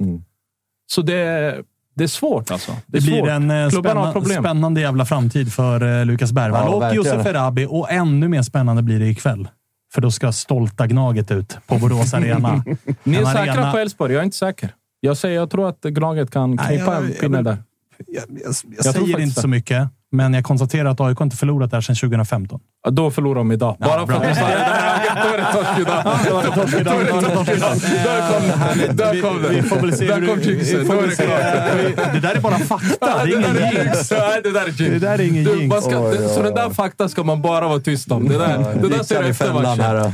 Det där skulle du sagt i programmet på onsdag. Vi får väl se hur det går på Finnvedsvallen då, där IFK Värnamo ska spela mot eh, IFK Göteborg. Håller vi väl alla en tumme för Värnamo? Ja, Eller hur? Enes-gubbarna. Ja, ja, ja. Herregud. Kalle? Nej. Jo, Nej. jo, jo. eh, vill man inte titta på allsvensk fotboll ikväll så går det ju alldeles utmärkt också att ratta in Robinson. Uff, Det är så spännande. vilket nu. drama det är alltså. Lider lite med Zacke. Tvungen att åka Hem hem. Ah, jävla deppigt alltså. Jävla deppigt. Det, det, Kollar ni på det där Ja, också? herregud. Ja, Alltså Jaha. hela tiden. Kollar du på det? Du ser Nej. skaka på huvudet. Nej, eh, nej, ingen Robinson. Jag kör below deck. Ja, okej.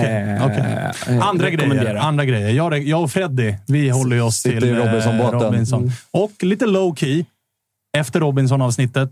Bachelor in Paradise. Ja, Kan- absolut. kan man kasta ett öga på? kan man absolut kasta ett getöga på. Det är någon form av ringceremoni nu.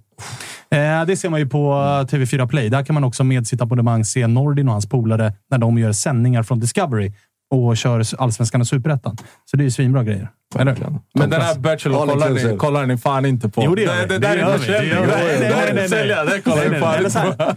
Vi kan kolla tillsammans ikväll. Min tjej, min tjej kollar på det, jag sitter bredvid. Det den. Du har det här. Bra, Sätt bra, dig. Sätt dig här bra, nu. Ja, ja. Eh, härligt hörni. Det blev ett långt jävla avsnitt idag, men så blir det när Nordin och Kalle och Freddy är på besök och när vi har en sån jävla ringlista som vi hade idag. Otroligt vilka namn vi har haft idag. Måste nästan hem och hämta mig. Till, nästa, till imorgon. Watch along. Ja, då är det Watch Along Champions Exakt. League. På onsdag kör vi nytt avsnitt Toto-svenskan och Watch Along Champions League. Fredag Toto-svenskan igen. Där emellan ska väl eh, Wilbur in och köra någon hockey-toto. Någon Rule Britannia kommer Rule ut. Britannia kom ut idag och det kommer ett nytt på torsdag. Det är bara pumpas på. Det pumpas på. Eh, från den här måndagen så säger vi tack för visat intresse. Bra drag i chatten i vanlig ordning. Eh, följ oss på alla sociala medier. Tryck på såna här fem stjärnor och allt vad det är på Spotify och där ni lyssnar på poddar. Vi hörs eh, onsdag. Hej! Stort Tja. tack.